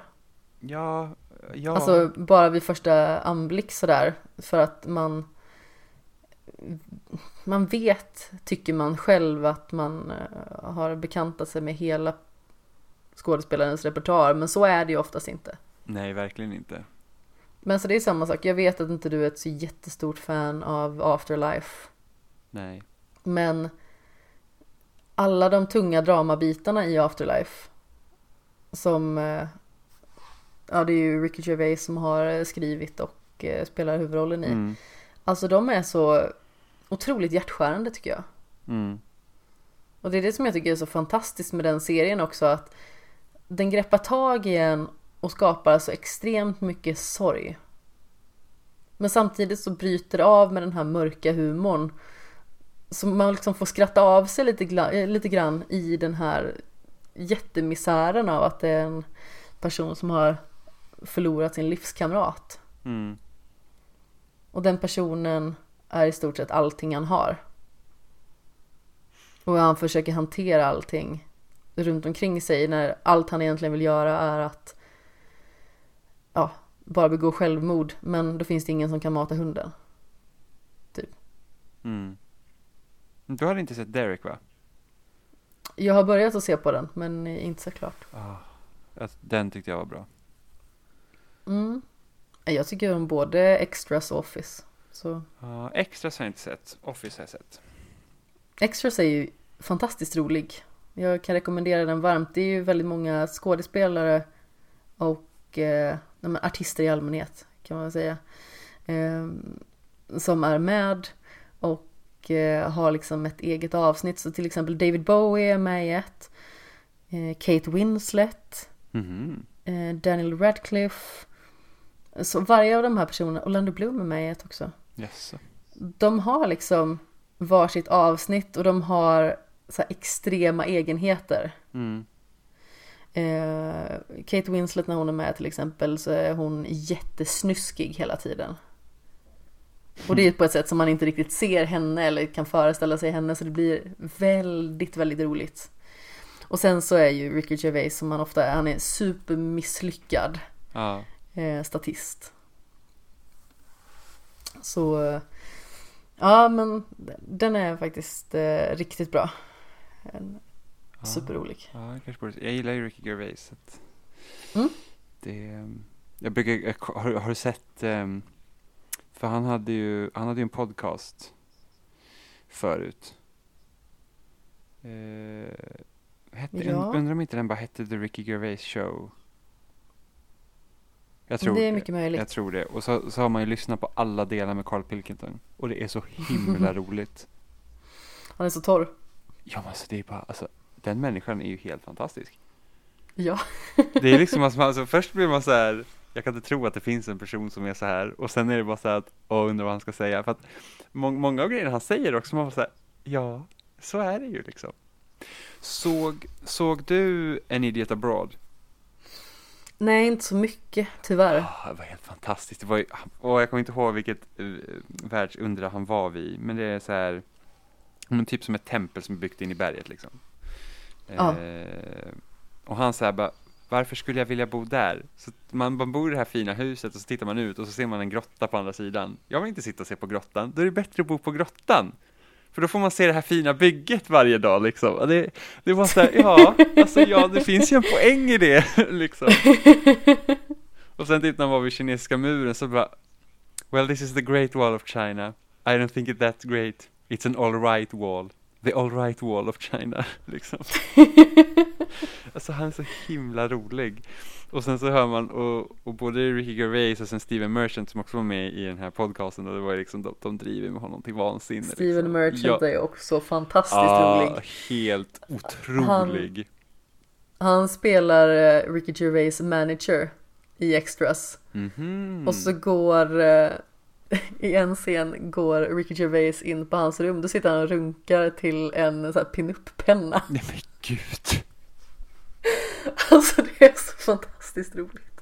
Och så otroligt dumt. Han får alltid ha sån här, så här eh, tafatt, eh, bortkollrad person stämpel på sig. En sån som inte gör så himla mycket rätt. Han är med i en film som heter Run Fatboy Run också. Och då eh, trillar Simon Pegg som spelar huvudkaraktären ner på honom för en trappa. Så att han typ jag inte, bryter höften eller någonting i den stilen. Och han skulle ju springa det här maratonet som eh, Simon Pegg egentligen skulle vilja göra då för att vinna tillbaka sin fru som han lämnade vid altaret när hon var gravid.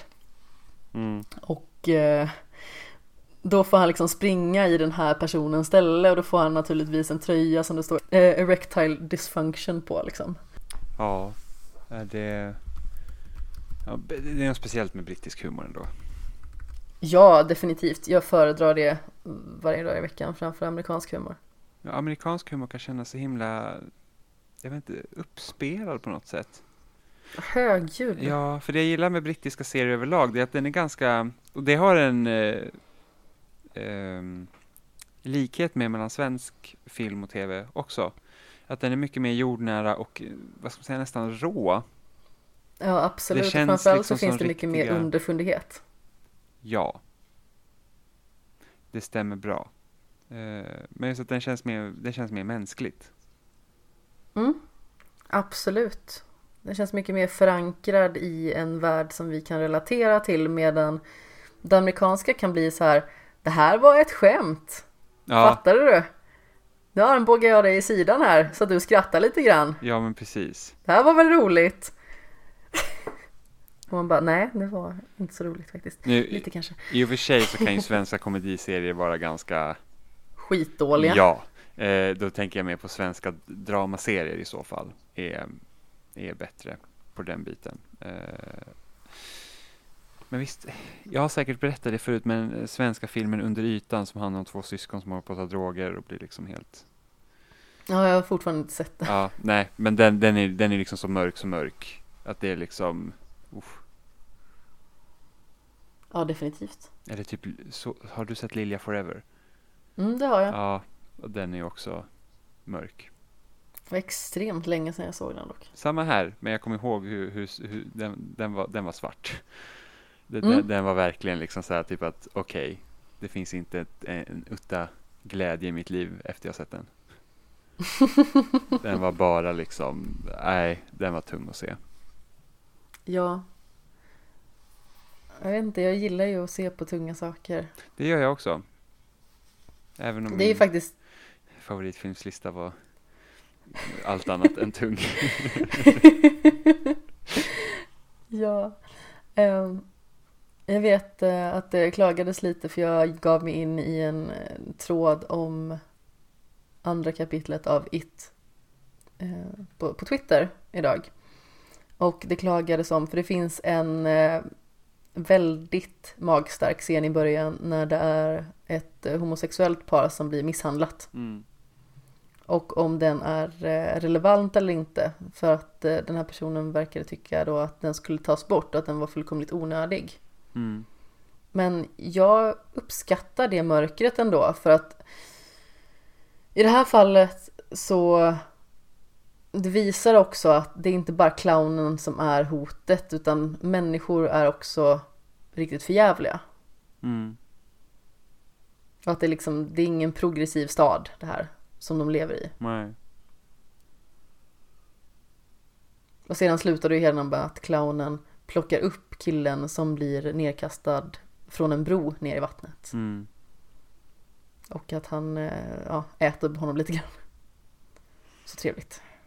Men var, var det typ meningen att det skulle typ signalera att staden lever i någon form av bubbla? Ja, kanske. För liksom man tänker att den här ska ju ändå utspela sig 2017 tror jag. Ja, något sånt.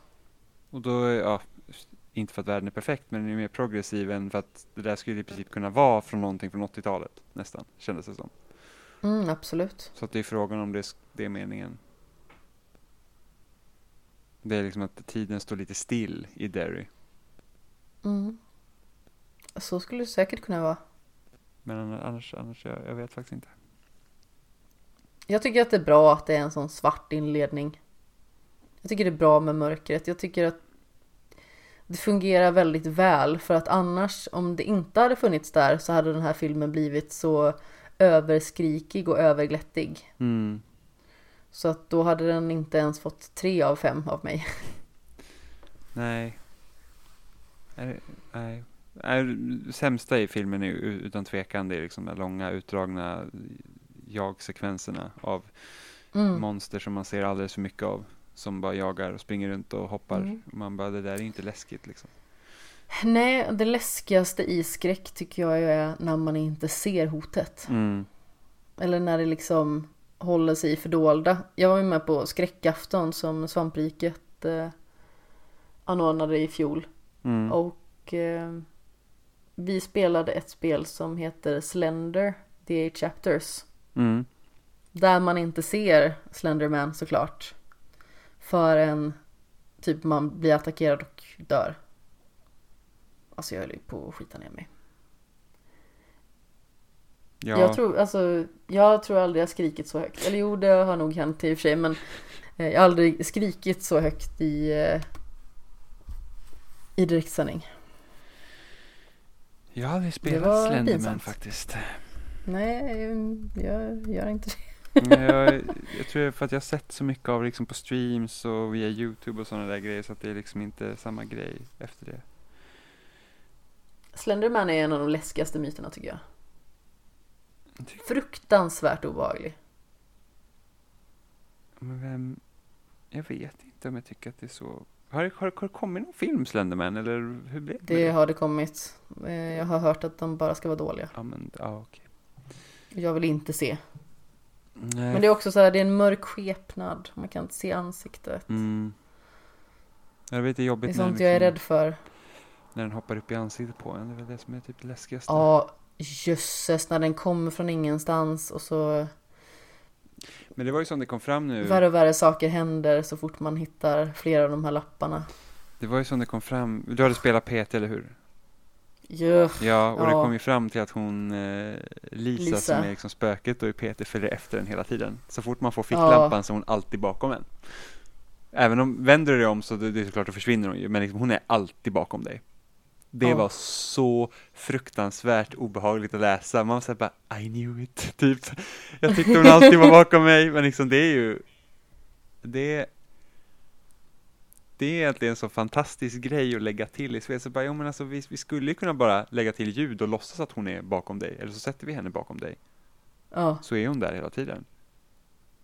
Och sen rätt som det är så när man vänder sig om så tar hon tag i i alla fall. Det, det, alltså. Alltså, det, åh, fy fan, det är så vidrigt spel. Ja, och där har du Mm. Kojima när han är liksom bra.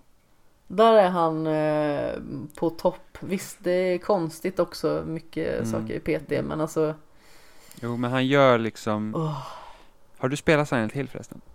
nej.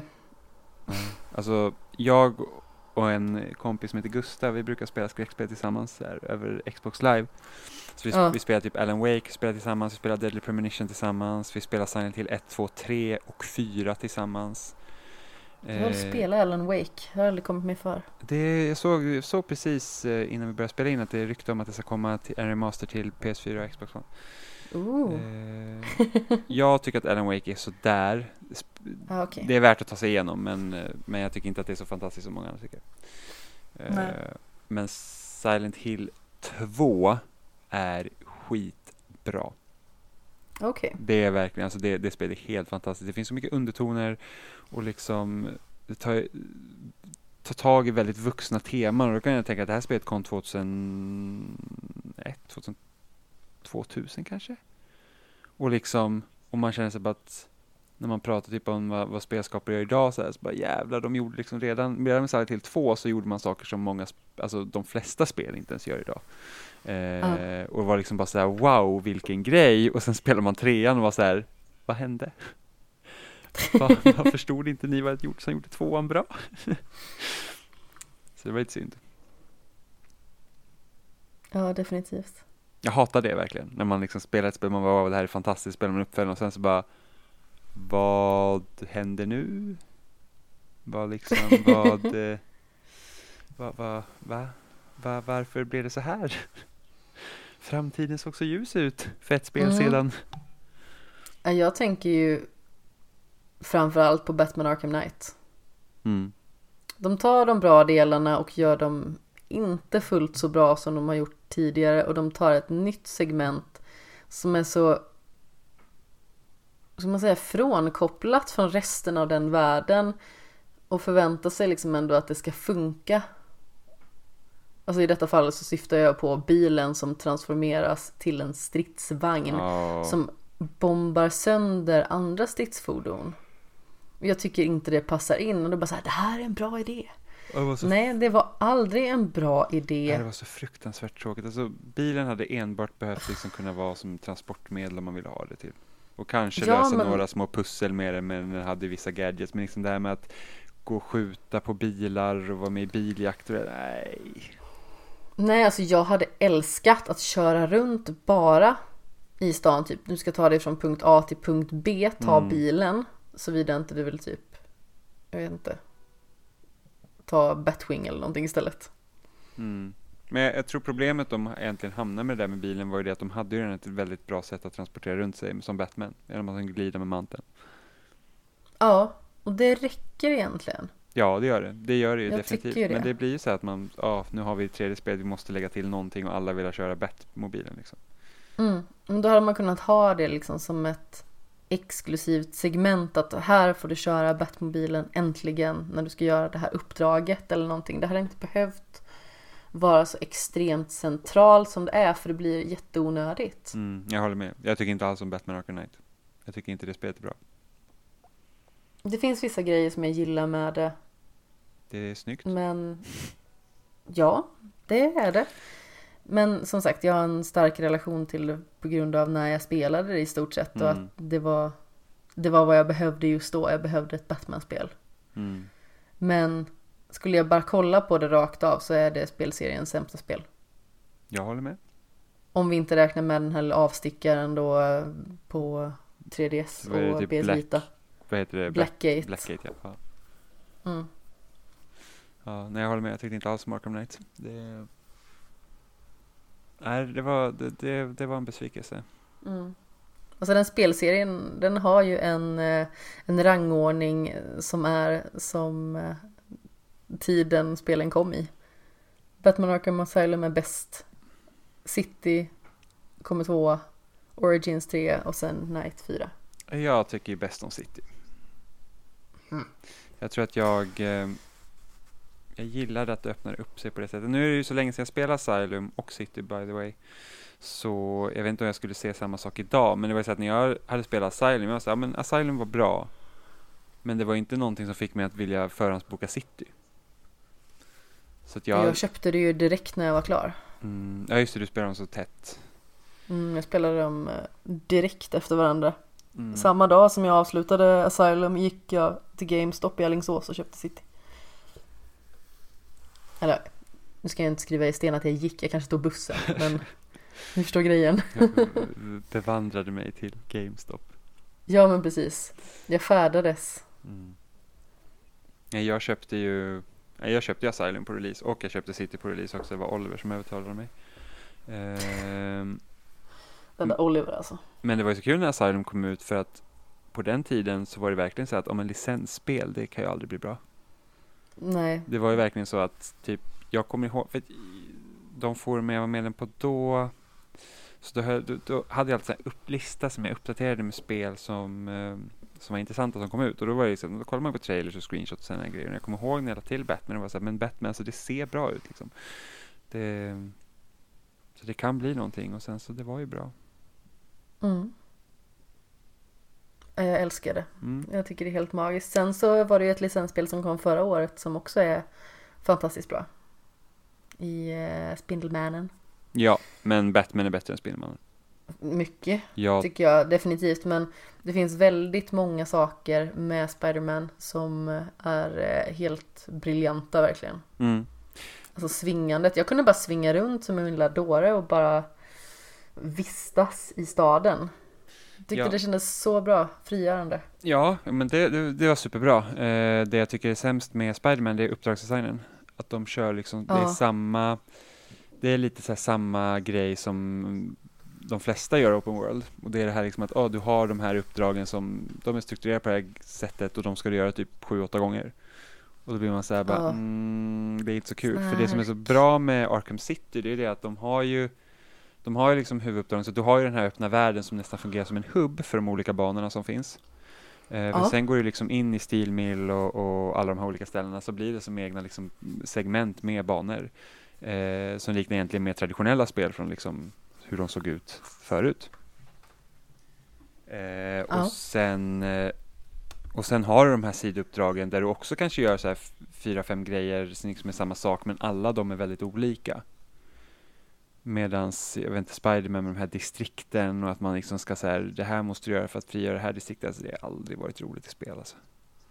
Nej, det blev definitivt för mycket kände jag. Ja, för det, det är Men typ jag kommer ihåg i typ GTA San Andreas också så kommer man till en punkt där man måste liksom säga, ja ah, men nu måste du ta över territorium i Los Santos för att kunna ta dig vidare i storyn och man säger nej, det vill jag inte göra. Det är tråkigt. åh nej. Ja. Har vi någonting mer att tillägga om uh, antingen It eller bara vad tusan som helst? Mm, Nej, jag tror inte det. Jag Faktiskt. tror inte det heller faktiskt. Nej. It kunde ha varit bättre. Definitivt. Och första delen är eh, Den bättre delen. mycket bättre. Ja. Fyra av fem gav jag den och den här gav jag tre av fem. Mm. Nu kanske inte betyg så jättemycket för alla. Men jag tycker att det är ganska så kul att sätta betyg. Det är väldigt svårt dock. Tycker jag. Mm. För det känns som att sätter man ett betyg på en film och sedan så försöker man liksom jämföra det med en annan film. Men filmerna kan vara så olika. Ja, Så man kan känna för att ge dem samma betyg av olika anledning. Ja, så är det ju. Man får liksom bara försöka se verket just då för vad det är och vad man är villig att ge för betyg. Ja. Jag har ju den här letterbox-appen som sagt, så jag eh, betygsätter ju allting jag ser. Jag betygsätter ingenting. Jag lägger bara till filmer jag sett. Och så får det vara bra så. Ja. Som sagt, betyg är inte för alla. Det är inte alltid för mig heller. Jag kommer ihåg när eh, jag började på loading till exempel och så var det så här. Jag behöver inte ge betyg, vad skönt. Ändå. vi, vi hade bara ja och nej va, när du började eller? Ja, det var ja och nej och sedan så blev det, vad var det, silver och guld? Ja just det, någonting. guld, silver och Guld, silver och inget va? Eller var det guld, silver och blå knapp? Jo, guld, silver och blå. Precis, det var det. Mm, ja det var skönt, det tycker jag också. Och nu har vi inga betyg alls. Mm. Jag kan förstå Det värdet i betyg också, men ibland känns det så fri, befriande att inte behöva skriva efter ett betyg. Så jag kan bara liksom, för att ibland har det varit så när man skriver så bara okej, men jag känner att det här spelet ska få det här betyget. Men då kan jag inte riktigt skriva på det här för då reflekteras inte det i siffran.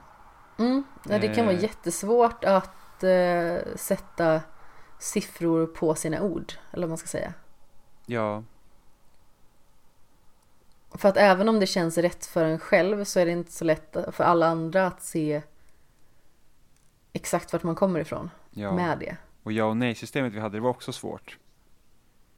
För liksom ibland kände jag så att, okej men nu har jag skrivit en text, jag känner att det här är ett nej, och sen så hade man argument om att nej, men det här kan inte vara ett nej på det här och här, så bara okej, men jag känner liksom inte att det är ett ja, och sen så hamnar alla spel på ja.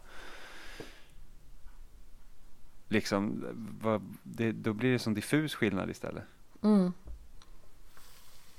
Absolut. Ja, nu har vi inga betyg. Nej. Men som sagt, det är ganska skönt att inte ha det. Ja, Då får läsaren tolka det precis som hen vill. ja. bara, wow, det här var en 10 av 10, och man bara, jag avskydde spelet. Det är lite som i Fire Emblem liksom. De står och hatar Ah, på varandra gud. i tio minuter och sen så bara support level up. Ja, verkligen. Åh, Fire- alltså tea time i Fire Emblem, alltså fy fan. Usch, Din favoritdel ja, när man misslyckas med varenda fråga om, och så bara sitter man och ser jätteolycklig ut och man säger bara nej, ta mig härifrån. gnider knäna mot Ta varandra. mig härifrån. Rädda mig. Måste ju redan vara jobbigt så här, men tänk dig om du hade gått typ i gymnasiet eller något, så kommer läraren bara, men hej Amanda, ska vi gå och ta en kopp te?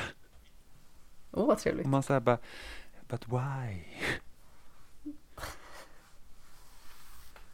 Ja, nej, det är Ja. konstiga japaner och sina konstiga system. Roligt ändå. Jag tycker det är roligt. Jo, jo, jo, det blir ju absurda situationer som gör det rätt så kul. Ja, absolut. Jag tycker fortfarande att Fire Emblem Three Houses är det bästa spelet i år. Som har kommit ut i år? Japp. Eller, eller nu Fire Emblem Three Houses, är det vadå? Bästa spelet som har släppts i år. Okej. Ja, först var det så här bästa Fire Emblem någonsin, och jag var så här, ja. Och sen så bästa spelet i år så måste jag ändå säga ja. Ja, men jag vet Outer Wilds. Jag vet, men jag har Outer Wilds, Apex Legends och Sekiro tror jag. Ligger högst upp för mig. Mm. Steamworld Quest ligger högt för mig. Det har inte jag spelat. Eh, Du får skaffa det på din lilla switch. ja, men jag kanske kommer till Xbox någon dag. Ja, men ja, jag är lite så här, att köpa digitala spel på Switch är jag lite försiktig med fortfarande. Alltså jag har nästan bara digitala spel på Switch. Ja men det är bara för att jag litar inte på Nintendo. Jag har två fysiska, det ena är Fire Emblem Warriors och det andra är Fire Emblem Three Houses. Oj, jag, typ, jag köper nästan alla mina spel fysiskt om de finns fysiskt. Eh, så jag har Super Smash har jag digitalt. Och Men det har jag också för att jag fick ju spelet naturligtvis med när jag köpte min specialversion. Ja, ah, men då så. Yeah. Eh, och sen har jag så här mindre spel här digitalt som inte finns fysiskt. Så, Ja. så petar jag inte. Men, eh, ja.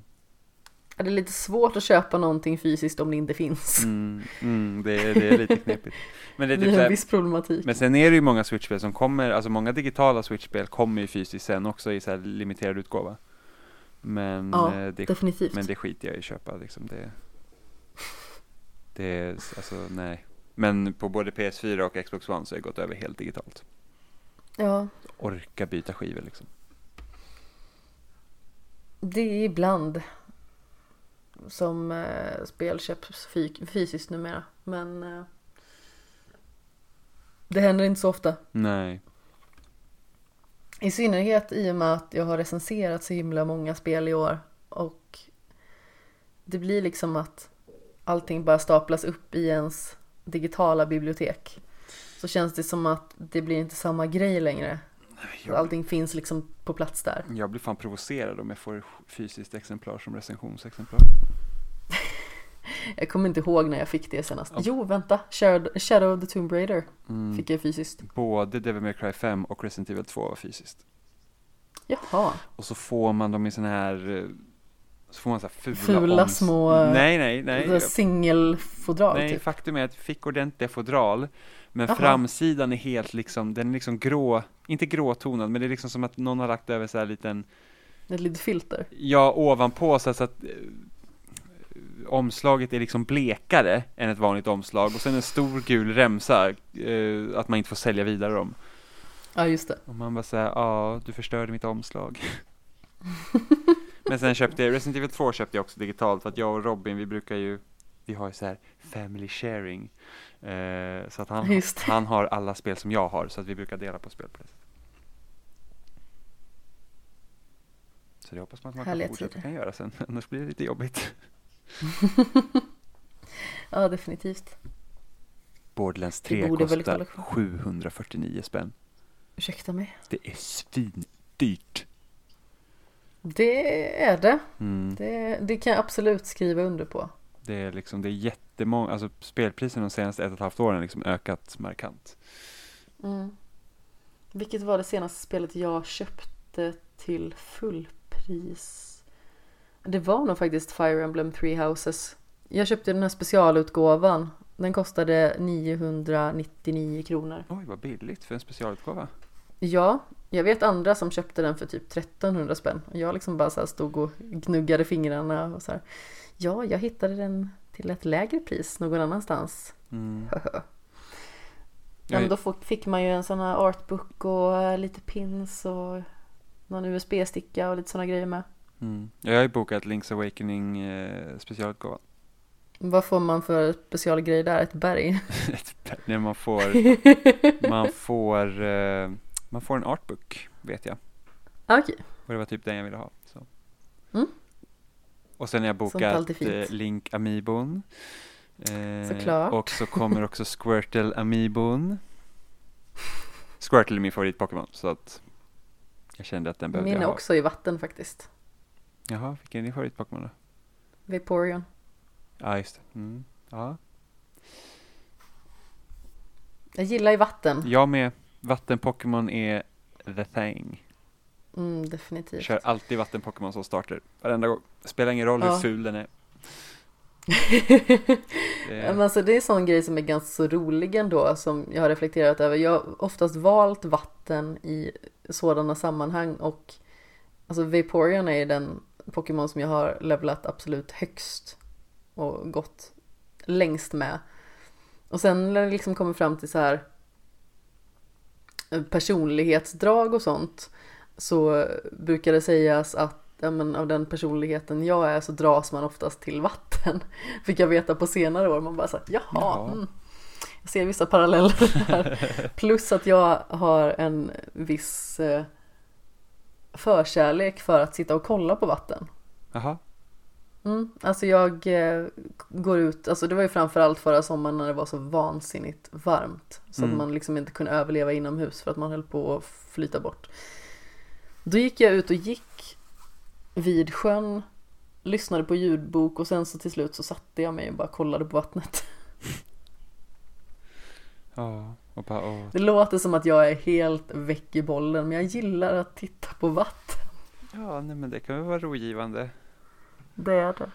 Jag tycker inte om att ha tråkigt så att eh, jag vet inte om jag sätter mig och stirrar på vattnet. Men jag hade inte tråkigt, jag lyssnade på ljudbok samtidigt. Ja, jag vet men jag skulle nog känna mig ganska rastlös. Mm. Jag är väldigt sällan rastlös, jag har väldigt sällan tråkigt. Jag kan inte komma ihåg när jag har tråkigt senast. Jag för mig att jag och Tobbe Fix pratade om det i förra avsnittet. Att jag minns inte när jag hade tråkigt senast, för jag har alltid någonting på gång. Jag vet att det är jättemånga som hela tiden klagar på att de har tråkigt. Alltså jag har en kompis som gör det hela tiden. Och jag, jag förstår det inte. Att ha tråkigt finns liksom inte i min repertoar längre. Mm, jag fanns några dagar i somras där det var väldigt tråkigt på jobbet när det inte var några kunder. Ja, ja, men det är sant. Men jag menar liksom, Men liksom när du är, när du är för dig själv, har du någonsin tråkigt Jimmy? nej, nej, jag, nej, För du är väldigt bra på att underhålla dig själv. ja. jag kan underhålla mig själv. Jag fick liksom en liten bild nu och du står så här i clowndräkt i din lägenhet. Och hunden liksom sitter bredvid så här, bara fan är det Ja, här? ja, jag gillar att man, Varför nej, är det här mitt liv? nej men jag, jag har sällan tråkigt. Nej men det är samma här, alltså jag har alltid någonting på gång. Antingen så är det en serie, eller så är det en film, eller så är det en bok, eller ett spel. Alltså det tar aldrig slut, jag har alltid någonting att göra, jag har aldrig tråkigt. Mm. Visst det kan hända så här oförutsägda grejer som att man behöver typ åka till akuten till exempel. Och då, Då säger du för dig själv, ja det var väl jättetråkigt." tråkigt. Det, det var jättetråkigt. Men då skulle jag in och kolla så att inte jag hade fått en skallfraktur. Det var Mm. inte så jättekul faktiskt. Eh, och då satt jag och eh, jag bröt ihop fullkomligt i väntrummet för att de sa att det var tre timmar väntetid att sitta där. Och vänta på att eh, få kontrollerat att man har fått en skallfraktur. Det var inte så skoj. Nej, fy fan. Men det tog inte så lång tid. Plus att jag var ju helt stel i nacken för jag hade ju sträckt nacken. Mm. Så jag kunde liksom inte röra på huvudet så jag satt där liksom med typ en halsduk och så bara lipade. Ja, det är då man Ja. önskar nästan man blir lagd på någon sjukhussäng eller för kan ligga typ och låtsas sova eller någonting. Mm. Berättade jag om att jag blev lurad av den läkaren som eh, berättade för mig att jag hade sträckt nacken? Ja, det gjorde du faktiskt. Just det, det gjorde jag. Eh, För eh, er kära lyssnare där ute så var det ju så här att som sagt Dels så fick jag ju veta då att jag hade sträckt en nackmuskel som heter levator scapula. Den går ända ner liksom i ryggen till skulderbladet. Eh, vilket namnet också hintar om. Och jag skulle ju kolla så att jag liksom inte hade skadat huvudet på något sätt för jag hade trillat rakt ner på mitt huvud från handstående. Och eh, när jag liksom fick beskedet då att det var så pass lindrigt som det var så frågade jag ändå läkaren hur lång tid tar det innan jag får träna igen? För jag menar, jag jobbar med träning. mm. Det är lite komplicerat att inte få träna då. Och han säger helt kallt sex år ungefär. Och alltså jag frös ända in i själen. Och bara kollade liksom på min kompanjon som jag hade med mig och så bara i ren skräck, vad, vad gör jag nu? Och personen kollade tillbaka på mig också och liksom var helt i upplösningstillstånd nästan. Där några sekunder. Och sen helt kallt säger läkaren, jag skojar bara, en vecka ungefär. Och alltså jag trodde att jag skulle typ bara resa mig upp och skalla den här människan, men jag var helt i chock verkligen. Snacka om att utnyttja sin position Ja, på sämsta möjliga sätt. det borde inte vara lagligt. Alltså jag var ju, jag var ju halvt förstörd där. När han sa liksom att du får inte träna på sex år. Jag hade ju idag fortfarande inte fått träna. Nej. Det här är fyra och ett halvt år sedan. Ja, det, det, hade, det hade varit jobbigt. Det hade det. Åh jösses. Jag gillar att ändå typ så här eh, en kvart sen vi bara så här. Finns det något mer att säga? Nej. Nej. Nej. Och vi kommer också sitta efteråt och babbla, jag är helt säker på det. Säkert. Mm. Vart hittar man dig för någonstans? Eh, jag skriver om spel på loading.se och jag pratar om spel i spelsnack och jag finns på Twitter på Separat13. Och Skämshögen finns naturligtvis på Twitter och Instagram som snabla skämshogen. Finns på Facebook och dylika, eh, dylika platser och där podcasts finns. Jag tror att det ska finnas på typ 9-10 olika typer av appar så det ska nog inte vara så svårt att navigera sig ifall man vill ha någon som passar ens vardag bättre. Till exempel Spotify eller dylikt. Vissa vill ha allting samlat på ett och samma ställe. Eh, jag heter snabla kapten Sten, Sten med två E, på sociala medier. Och eh, där kan man naturligtvis antingen där eller till skämshögens profiler då ställa frågor och funderingar eller åsikter om vad det nu kan vara. Och sen så finns jag ju också med dig i eh, spelsnack. Yes. Så vill man höra mer om spel så kan man lyssna på spelsnack också. Vi pratar rätt så mycket om spel idag. Vi gjorde det även att vi absolut inte hade något spel som vi hade spelat. Så, så är det. ja, men du och jag hörs ju snart igen. Yes. Typ sekunden efter att vi har stängt av. Ja. Och eh, kära lyssnare där ute, puss i ljumsken. Hej då.